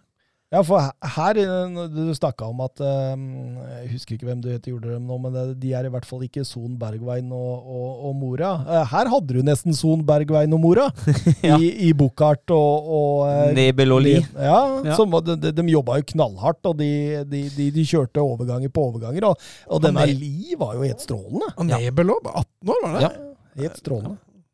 Og, og Buchardt, som jeg leste eh, det var vel Kicker som skrev at uh, dette kommer til å bli det neste store i Bundesliga nå. Han, Ja, han har, han har talent. Han har jo utmerka seg litt ved noen anledninger til. Han har vel mål mot både Bayern og Dortmund på CV-en fra før, så det er ikke det aller verste heller. Og han har, han har hatt en god utvikling den siste sesongen. Mm.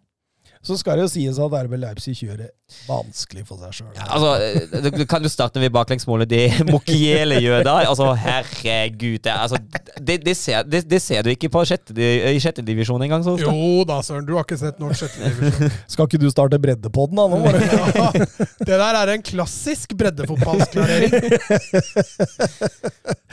Den skjer sannsynligvis nå, i et eller annet sted i Norge. Men uh, Nia Katé kan jo bare takke Ja. boka, han. Ja. Det er jo greit, det. Og- Ja, Man reagerer fort der òg. Han Han skal skal ha kred òg, selv om han detter i beina. Men hør her nå. Nia Katé han har seks Bundesliga-kamper Nei, mål i sin karriere. Fire av dem er mot RB Leipzig. Jeg liker å møte dem. Og, og, og, og eh, liksom eh, Leipzig har jo en del ball, men det er, det er, det er, Nei, det, er, altså, det er ingen Det, altså, det som, det som det jeg syns var mest skremmende, var ball, fravær av balltempo. Ja. Det var det som var Som jeg tenkte, herregud. Uh, Kreativitet, ja, da. Det var liksom så stusslig. altså, han uh, Mangler en sørlott. Han hadde jo en andre Silva, men altså prøver jo, prøver jo å kjøre Angelinho litt som i den samme rollen som han hadde under Nagelsmann, veldig høyt oppe på banen, og i hvert fall høyere opp enn Mokiela.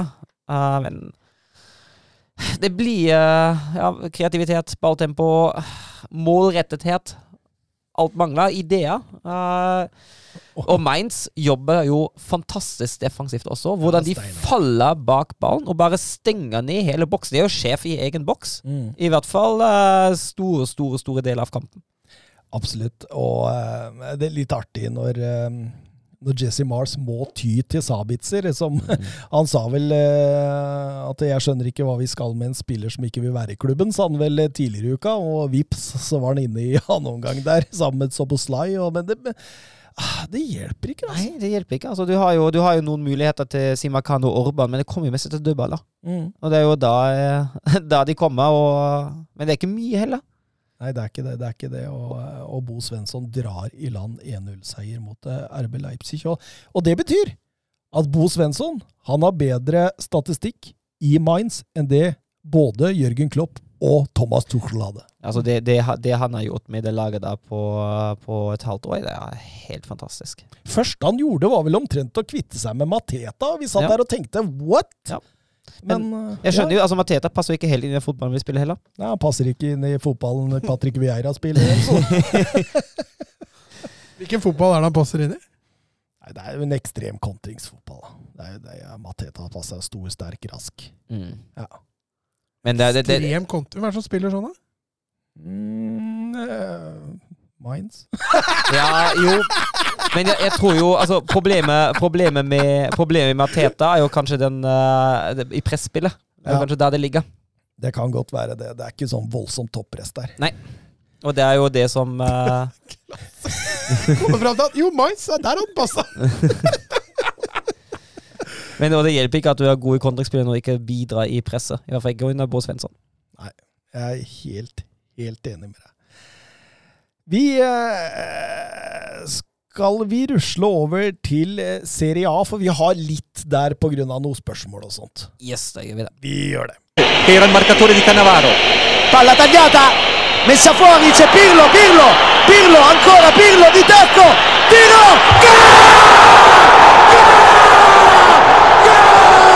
Grosso, Grosso, gol, gol di Grosso, gol di Grosso. I Serie A eh, så er det jo fortsatt ikke starta. Den begynner neste helg. Ja, Copa America var vel Nei, Copa America. Oi, oi, oi! Copa Italia, sa jeg skulle jeg fram til, er vel i gang. Men seriespillet det er ikke før neste helg. Ja. Eh, men eh, likevel så får vi spørsmål angående Serie A, og Jørgen B. Reddy han spør eh, Han vil ha alle våre eh, topp fire-tips foran denne Serie A-sesongen. Og der sleit jeg, altså! Ja, fordi siste uka så har eh, Atalanta blitt svakere. Eh, Ja, men har de det? Ja, de har jo det sannsynligvis, men de, men de har jo erstatta brukbart, da. Og Inter har blitt svakere. Ja, Og Roma har blitt litt svakere. Har Roma blitt svakere? Ja, Seko. Ja, men de får jo inn Abraham. Er det så mye dårligere? Nei, det tenker jeg ikke. Altså, altså, Altså, han er Premier League. Kirkegård Premier League Kirkegård kommer til å dra inn 20, han. Jo, jo. Men det hadde Djeko gjort òg. Ja, det, det, det kan godt hende. Jeg- Men han er jo ikke i Roma. Han er ikke i Roma, men han er på medisinsk i Roma. Det er, det er bilder av ham på flyplassen i Roma, og da, da ser jeg på det som uh, good to go. Altså, here we go, som, som uh, godeste Fabrizio Romano sier. Ja, here we go. Ja, greit. Eh, du hørte det først i 90 minutter. Men, men, men, eh, men over til spørsmålet. Søren, eh, dra dine topp fire først. Ja, den er jo enig i at det er vanskelig. Det er vanskelig. Det er vanskelig. Men Juventus på én. Ja. Så sliter jeg egentlig allerede. Åh, jeg hadde syntes det var så kult om Atalanta tok andreplassen. Jeg synes, ah, jeg, jeg, Men tror du det? Nei, ikke nødvendigvis. Men så jeg ser, jeg ser ikke helt en klar kandidat som virkelig stikker seg ut og stikker seg fram til å ta den andreplassen. Nei, vet du hva? Jeg har lyst til å si Atalanta. Mm. Og så, set, og så setter jeg Inter på tre. Ja. Og så tror jeg jeg setter Milan på fire. Oi, Men uh, det kunne fort ha blitt Nazio eller Napoli òg. Ikke Roma. Han ører han sier han, han, han hater Mourinho. Jeg hater ingen. Ja, jeg har jo allerede meldt Roma topp fire, så jeg Ja, må jo finne plass til dem. Jeg Eh, ja, jeg har det. Du har gjort det, du òg. Ja, ja, det er derfor jeg liker det, da, vet du. Eh, Juventus nummer én, den er jo veldig grei. Jeg setter Atalanta to, og så setter jeg eh, Roma tre. Og så er det Inter eller Milan, altså. Men jeg tror Pioli får det tøft, så blir, eh, det blir Inter. Mm. Mm. Jeg er spent på Lazio under Sarri, men, men det blir ikke topp fire. Eh, De kan, de, de kan eh, slåss litt oppi der, men eh, Nei, det gjør ikke det. Eh, Samme, jeg, jeg tror Pioli Litt overraska over han skal dra en nok en god sesong nå. Eh, Mista Shalanoglu. Donnarumma tar en del poeng i løpet av sesongen. Jeg er ikke, jeg er ikke sikker på altså, Nå, nå er man ja bra, men, men, men han er fortsatt uprøvd i Serie A. Eh, Det er ikke noe Donnarumma, så, så, så, så vi, vi må vente litt der. Så jeg, Napoli med Spalletti ja, veldig usikker. Jeg, jeg, jeg går for eh, Juventus 1. De har jo ikke forsterka seg noe voldsomt, men uh, Locatelli er vel på vei inn. Eh, Atalanta setter jeg som nummer to. Gasperini han har dette under full kontroll. Har erstatta Golini og Romero med Demiral og Musso, og det må være bra, det, i Atalanta-sammenheng. Jeg har Inter på tredjeplass. Eh, Simone Inzaghi eh, du veit hva du får. Det er interfotball. eh, Han, han kommer til å kjøre videre på dette med, med konto, og det ligger jo i, i sjela til noen av spillerne nå. Dumfries ble klar nå. Grei høyrebekk. Seko. Seko, ja. Så, så, så spørs det jo hva skjer med Lautaro Martinez. Går han til Tottenham, eller er det Det er, det er vanskelig å si ennå. Eh, Altså, de har mista fire, hvis La Martinez går, da. Da har de mista fire viktige brikker. hvem da? Eh, Hakimi, Lukaku Martinez og Eriksen. Ja, Eriksen. ja. Så, altså, de har jo mista altså, Eriksen kan vi kanskje stille litt spørsmål om hvor viktig han egentlig var, men altså, den spissduoen, den er uerstattelig for Inter. Mm. Hvis Martinez også nå ender opp med å dra. Hakimi, jeg tror ikke Dumfries er på det nivået, selv om han Det er for jo Inter en strålende signering. Eh, men, men eh, det er ikke helt Hakimi. Og Eriksen eh, Han får dem jo Har de jo henta Shalanoglu. Ja, helt riktig. Så han har de jo fått erstatta greit. Men de tre andre ser jeg ikke for at de kan klare å erstatte skikkelig. Men jeg har Roma på fjerde. Mourinho klar. Selvfølgelig gjør han det. Han har fått inn noen gode forsvarsspillere. Ibanez har forlenga til, sin, til permanent overgang. Eh, Vinja kommer inn der. eh, Abraham jeg, jeg, jeg tror dette blir bra, jeg, før det faller ut i, ut i neste sesong en eller annen gang, hvor han kommer til å hogge løs på en eller annen spiller eller et eller annet. sånt. Oddsen er lav for Mkhitarian eller Smalling, i hvert fall. Ja, absolutt. Absolutt. Um, ja, nei, nei. Det er i hvert fall våre Serie A-tips. Uh, skal vi gå over til uh, League Ø, kanskje? Da gjør vi det. Sur la frappe de Messi de, De de Mercado, Mercado. oui. Mercado, et, et là aussi, on a un petit peu de réussite. Griezmann sur l'appui, c'était bien joué avec Giroud. Oh, Dan. Oh, Sylvain, il l'a vu Oui. Kylian Mbappé Kylian Mbappé, il l'a vu Ça fait 4 Et ça fait peut-être un quart de finale l'équipe de France 68e minute Oh la joie collective parce qu'ils ont tous jailli du banc pour aller saluer cette passe décisive géniale de Giroud et ce doublé pour Kylian Mbappé Eh, da kan vi begynne med Alex Andreball på Twitter. Skal dere følge League Ø denne sesongen, og har dere funnet noen løsning til hvordan dere ser kampene? Altså, kan jeg snakke for min del. Eh, jeg har sett noe på Betson live. Eh, hørte noen rykter om at det gikk noen streams der, og det, det stemte. Uh, så der har jeg fått uh, litt ut av det. Samtidig som jeg, jeg tyr til god, gammeldags streaming. Men en kompis av meg, jeg fikk et tips som jeg tenker jeg skal undersøke nå de nærmeste dagene. IPTV. Han hadde kjøpt seg en sånn liten kobling som han satt til HDMI-inntaket på TV-en sin. Og så eh, kjøpte han abonnementer. Og han kjøpte et abonnement. Han, han skal komme tilbake med hva, hva det heter, men eh, til 399 i måneden.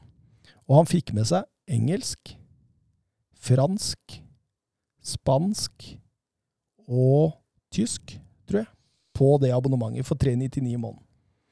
Det var bare italiensk som mangler, da. Jeg tror det var bare italiensk som mangla. Eller om, om det var også. Det var flere også ligaer uti der, så det, det, det var helt ekstremt. sant? Er dette, er dette lovlig? Ja, IPTV er jo lov, det. Og kjøper du abonnement, så er det jo noen som tilbyr deg det. Så Åssen kommentatorer og sånn får du der, da? Sikkert noe hakkamalakkamalakk, men, men, men, men, men, men, Men, men, men, men den han hadde jeg hørt på. men, men, men det, det må jo være greit, tenker jeg, for 399 i måneden. Så jeg skal undersøke dette, og så skal jeg heller eh, komme tilbake til eh, våre lyttere om, eh, om detaljer rundt det.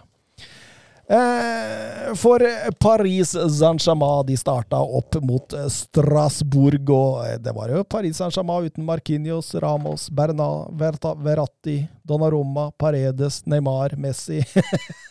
Men likevel et sterkt PSG.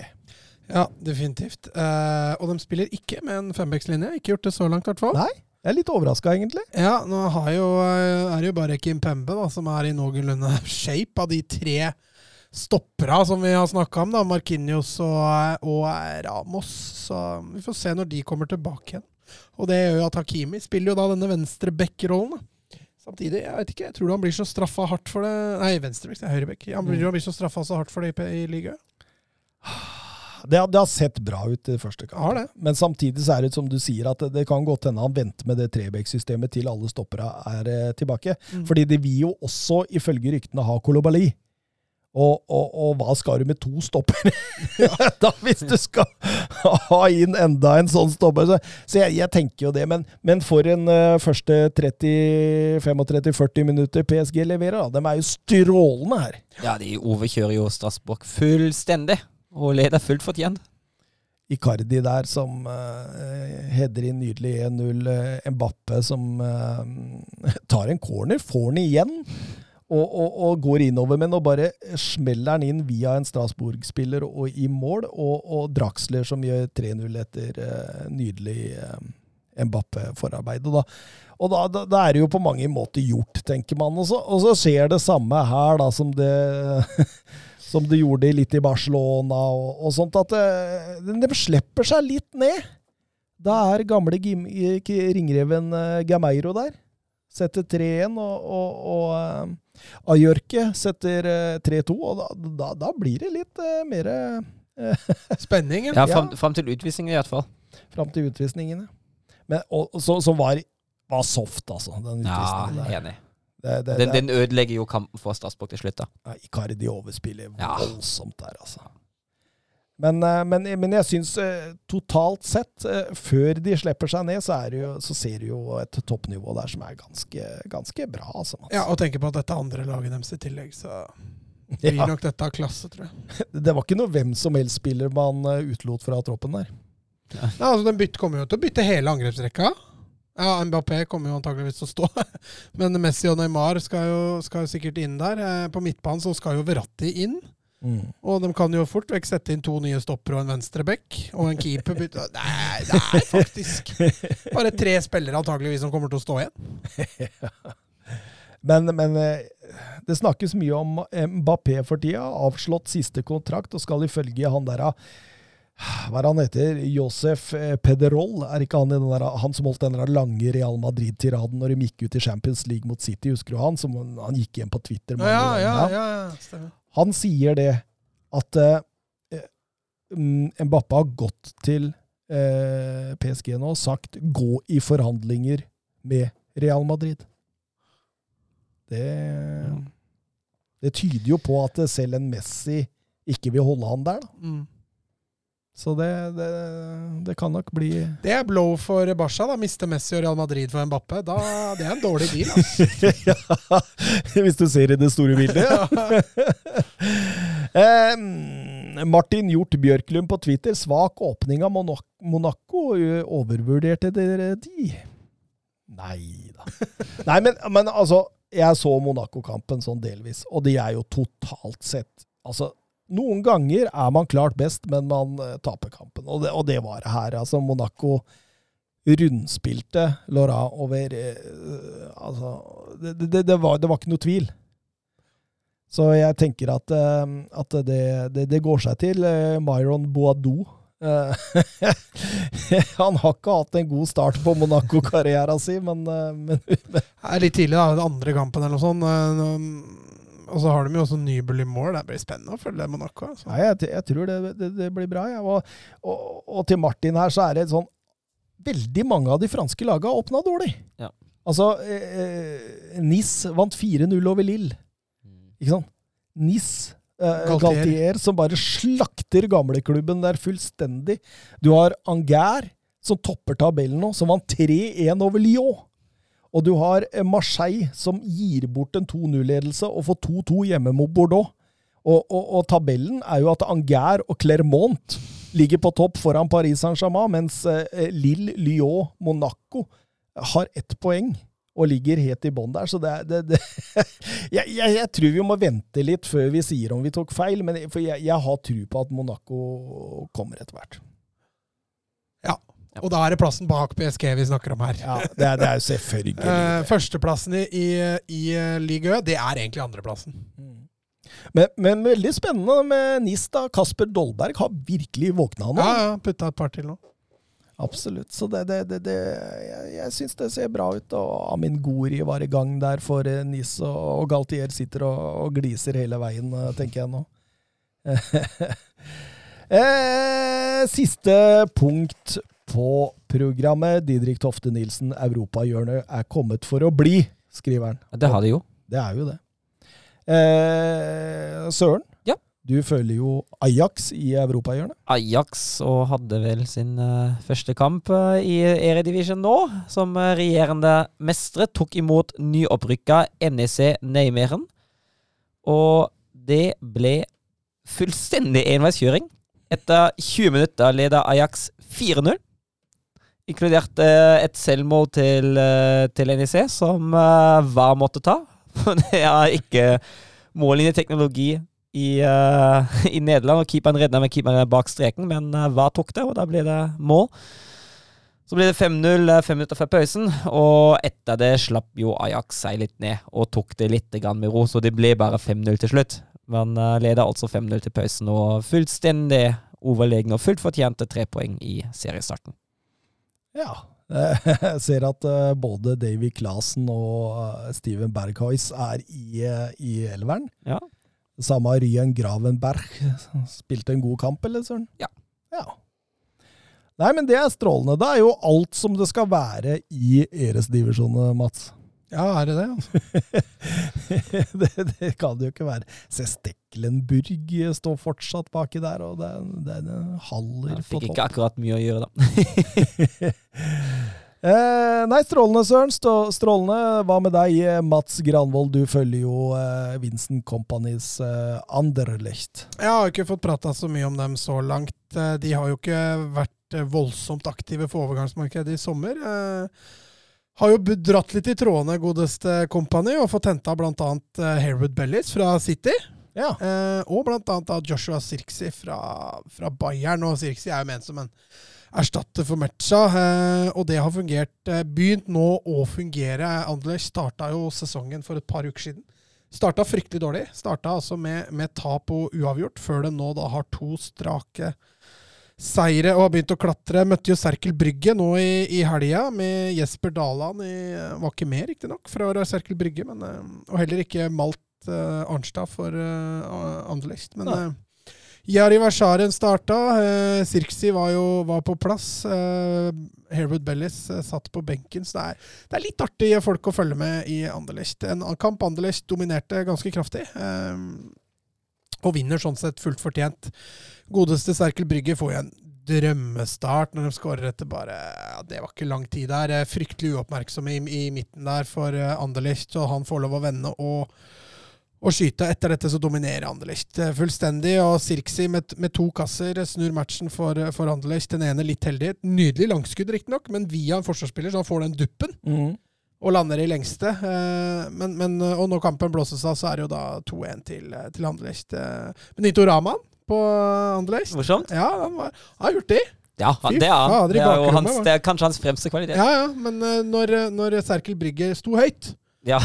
Men det var jo kanskje til sammen ti minutter i kampen. Da var Raman god. Ja. Og så når de lå lavt, da var han ikke så synlig. Mm. Da var det Sirksi som styrte sjappa. Jari Vashare, som er litt av grunnen til at jeg følger Anderlecht, skuffa litt i dag. I dag, i, i helga. Ja. Men serie med har inntatt eh, sjetteplassen eh, så langt. Eh, To seire, én uavgjort og ett tap. Så det, det, det, de har heng på, på tabelltoppen der.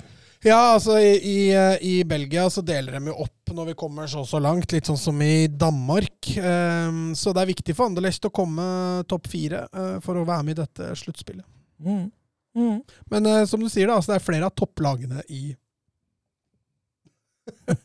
Flere av topplagene i, eh, i eh, Belgia som har skuffa litt, litt i likhet med Frankrike. Ja. Brygge ligger jo på tredje, blant annet, og Genk ligger jo rett over Anderlicht. Og Standard Liège ligger jo enda lenger ned, så det har vært litt skuffende start også på de topplaga i, eh, i Belgia. Ja. Eh, mitt kall er jo selvfølgelig Sporting Lisboa. De, de starta med 3-0 eh, forrige helg mot nyopprykka Vizela. Eh, 0-0 til pause, men spilte en svært god annenomgang, og Pedro Gonsalves skårte selvfølgelig to av de tre måla. Eh, siste ble skåra av Paulinho. Eh, denne helga eh, var de i Braga, og, og, det er ikke noe enkelt. Braga har begynt å, å, å, få et ganske godt lag der, og det var jo reprise på supercupen også, den portugisiske supercupen. Vinneren av cupen mot vinneren av ligaen. For 14 dager siden, som Sporting vant 2-1 etter matchvinnerskåring av Pedro Gonzales. men, men, her er det lov å si at Sporting hadde tur. Braga var eh, soleklart det beste laget. Eh, produserte sjanser, enorm vilje, enorm energi, og det var åpenbart at de hadde liksom eh, en sånn, virkelig en revansjelyst overfor Sporting. Altså, Sporting sleit litt i store deler av kampen. Altså, det, det var eh, bare en solid bakre treer og en glimrende keeper i Adan som, som holdt det ved like der. men men eh, mot spillets gang så tar Sporting ledelsen ved Cabral der. Han header en crosser inn der, nydelig fra Esgiago. Og rett etter pause så er det selvfølgelig Pedro Gonsalves som setter 2-0. Han prikkskyter den pasningen nei, skuddet helt ned i høyre hjørne der. Eh, Matheus får et rødt kort mot slutten av kampen, og da, da åpner det seg litt opp. Abel Ruiz setter eh, reduseringa på overtid, men Sporting eh, tar to av to Altså seks poeng nå og, og, ligger i toppen av, eh, av Liga Noss. Det, den av Pedro Gonsalves, altså er, Jeg lurer på hvor lenge de altså nå, nå satt Nuno Mendes altså Ruben Vinagre har eh, tatt over jobben hans på venstreback de to siste kampene. Det ser ut som de gjør klar for et salg. Eh, Manchester-klubbene ligger visst eh, langflate nå, så får vi se. Jeg skjønner ikke hva Manchester United skal med han i så fall, som har Luke Shaw, men eh, dobbel dekning, som den sier. City kunne jo trengt et stortalent på den bekken, faktisk. Ja, de, de kunne det. Så det, det, det altså, jeg veit ikke hvorfor han ikke spiller, men han spilte denne supercupfinalen. Men han, Ruben Vinagre, innlånt fra Wolverhampton, mm. uh, har tatt den plassen etterpå. Det, jeg har ikke funnet ut helt hvorfor. Han er ikke skada. Det er et dårlig tegn, altså. Ja, det er det. Det er det for, eh, for uh, Litt sånn som Harry Kane? Kanskje han bare Han har ikke vist seg, han ikke. Um, men uh, denne Pedro Gonsalves Jeg sier igjen, altså, det, hvor lenge klarer de å holde på han? Det, det, det, altså det, er, det er Bruno Fernandes-materiale. Mm. Vi var igjennom. Nice. Da er det vel bare å si ha det, da. Søren må rekke toget! Søren må rekke toget. Han bare ja, la meg si ha det. Nei, ja, hvis, vi ikke har noe. Ja. Nei, men, nei, men det er sant. Ja. Og du må jo styre teknikken her nå, for nå skal vi få noen voldsomme lydfiler inn her. ja, Det skal bli gøy å se hvordan det blir, altså. Det blir moro. Det blir gøy. Eh, ha det bra, alle lyttere. Høres igjen neste uke. Ha. Snakkes. Ha det. Messi. Surging forward with real menace here. Brilliant from Messi. Oh, what a goal!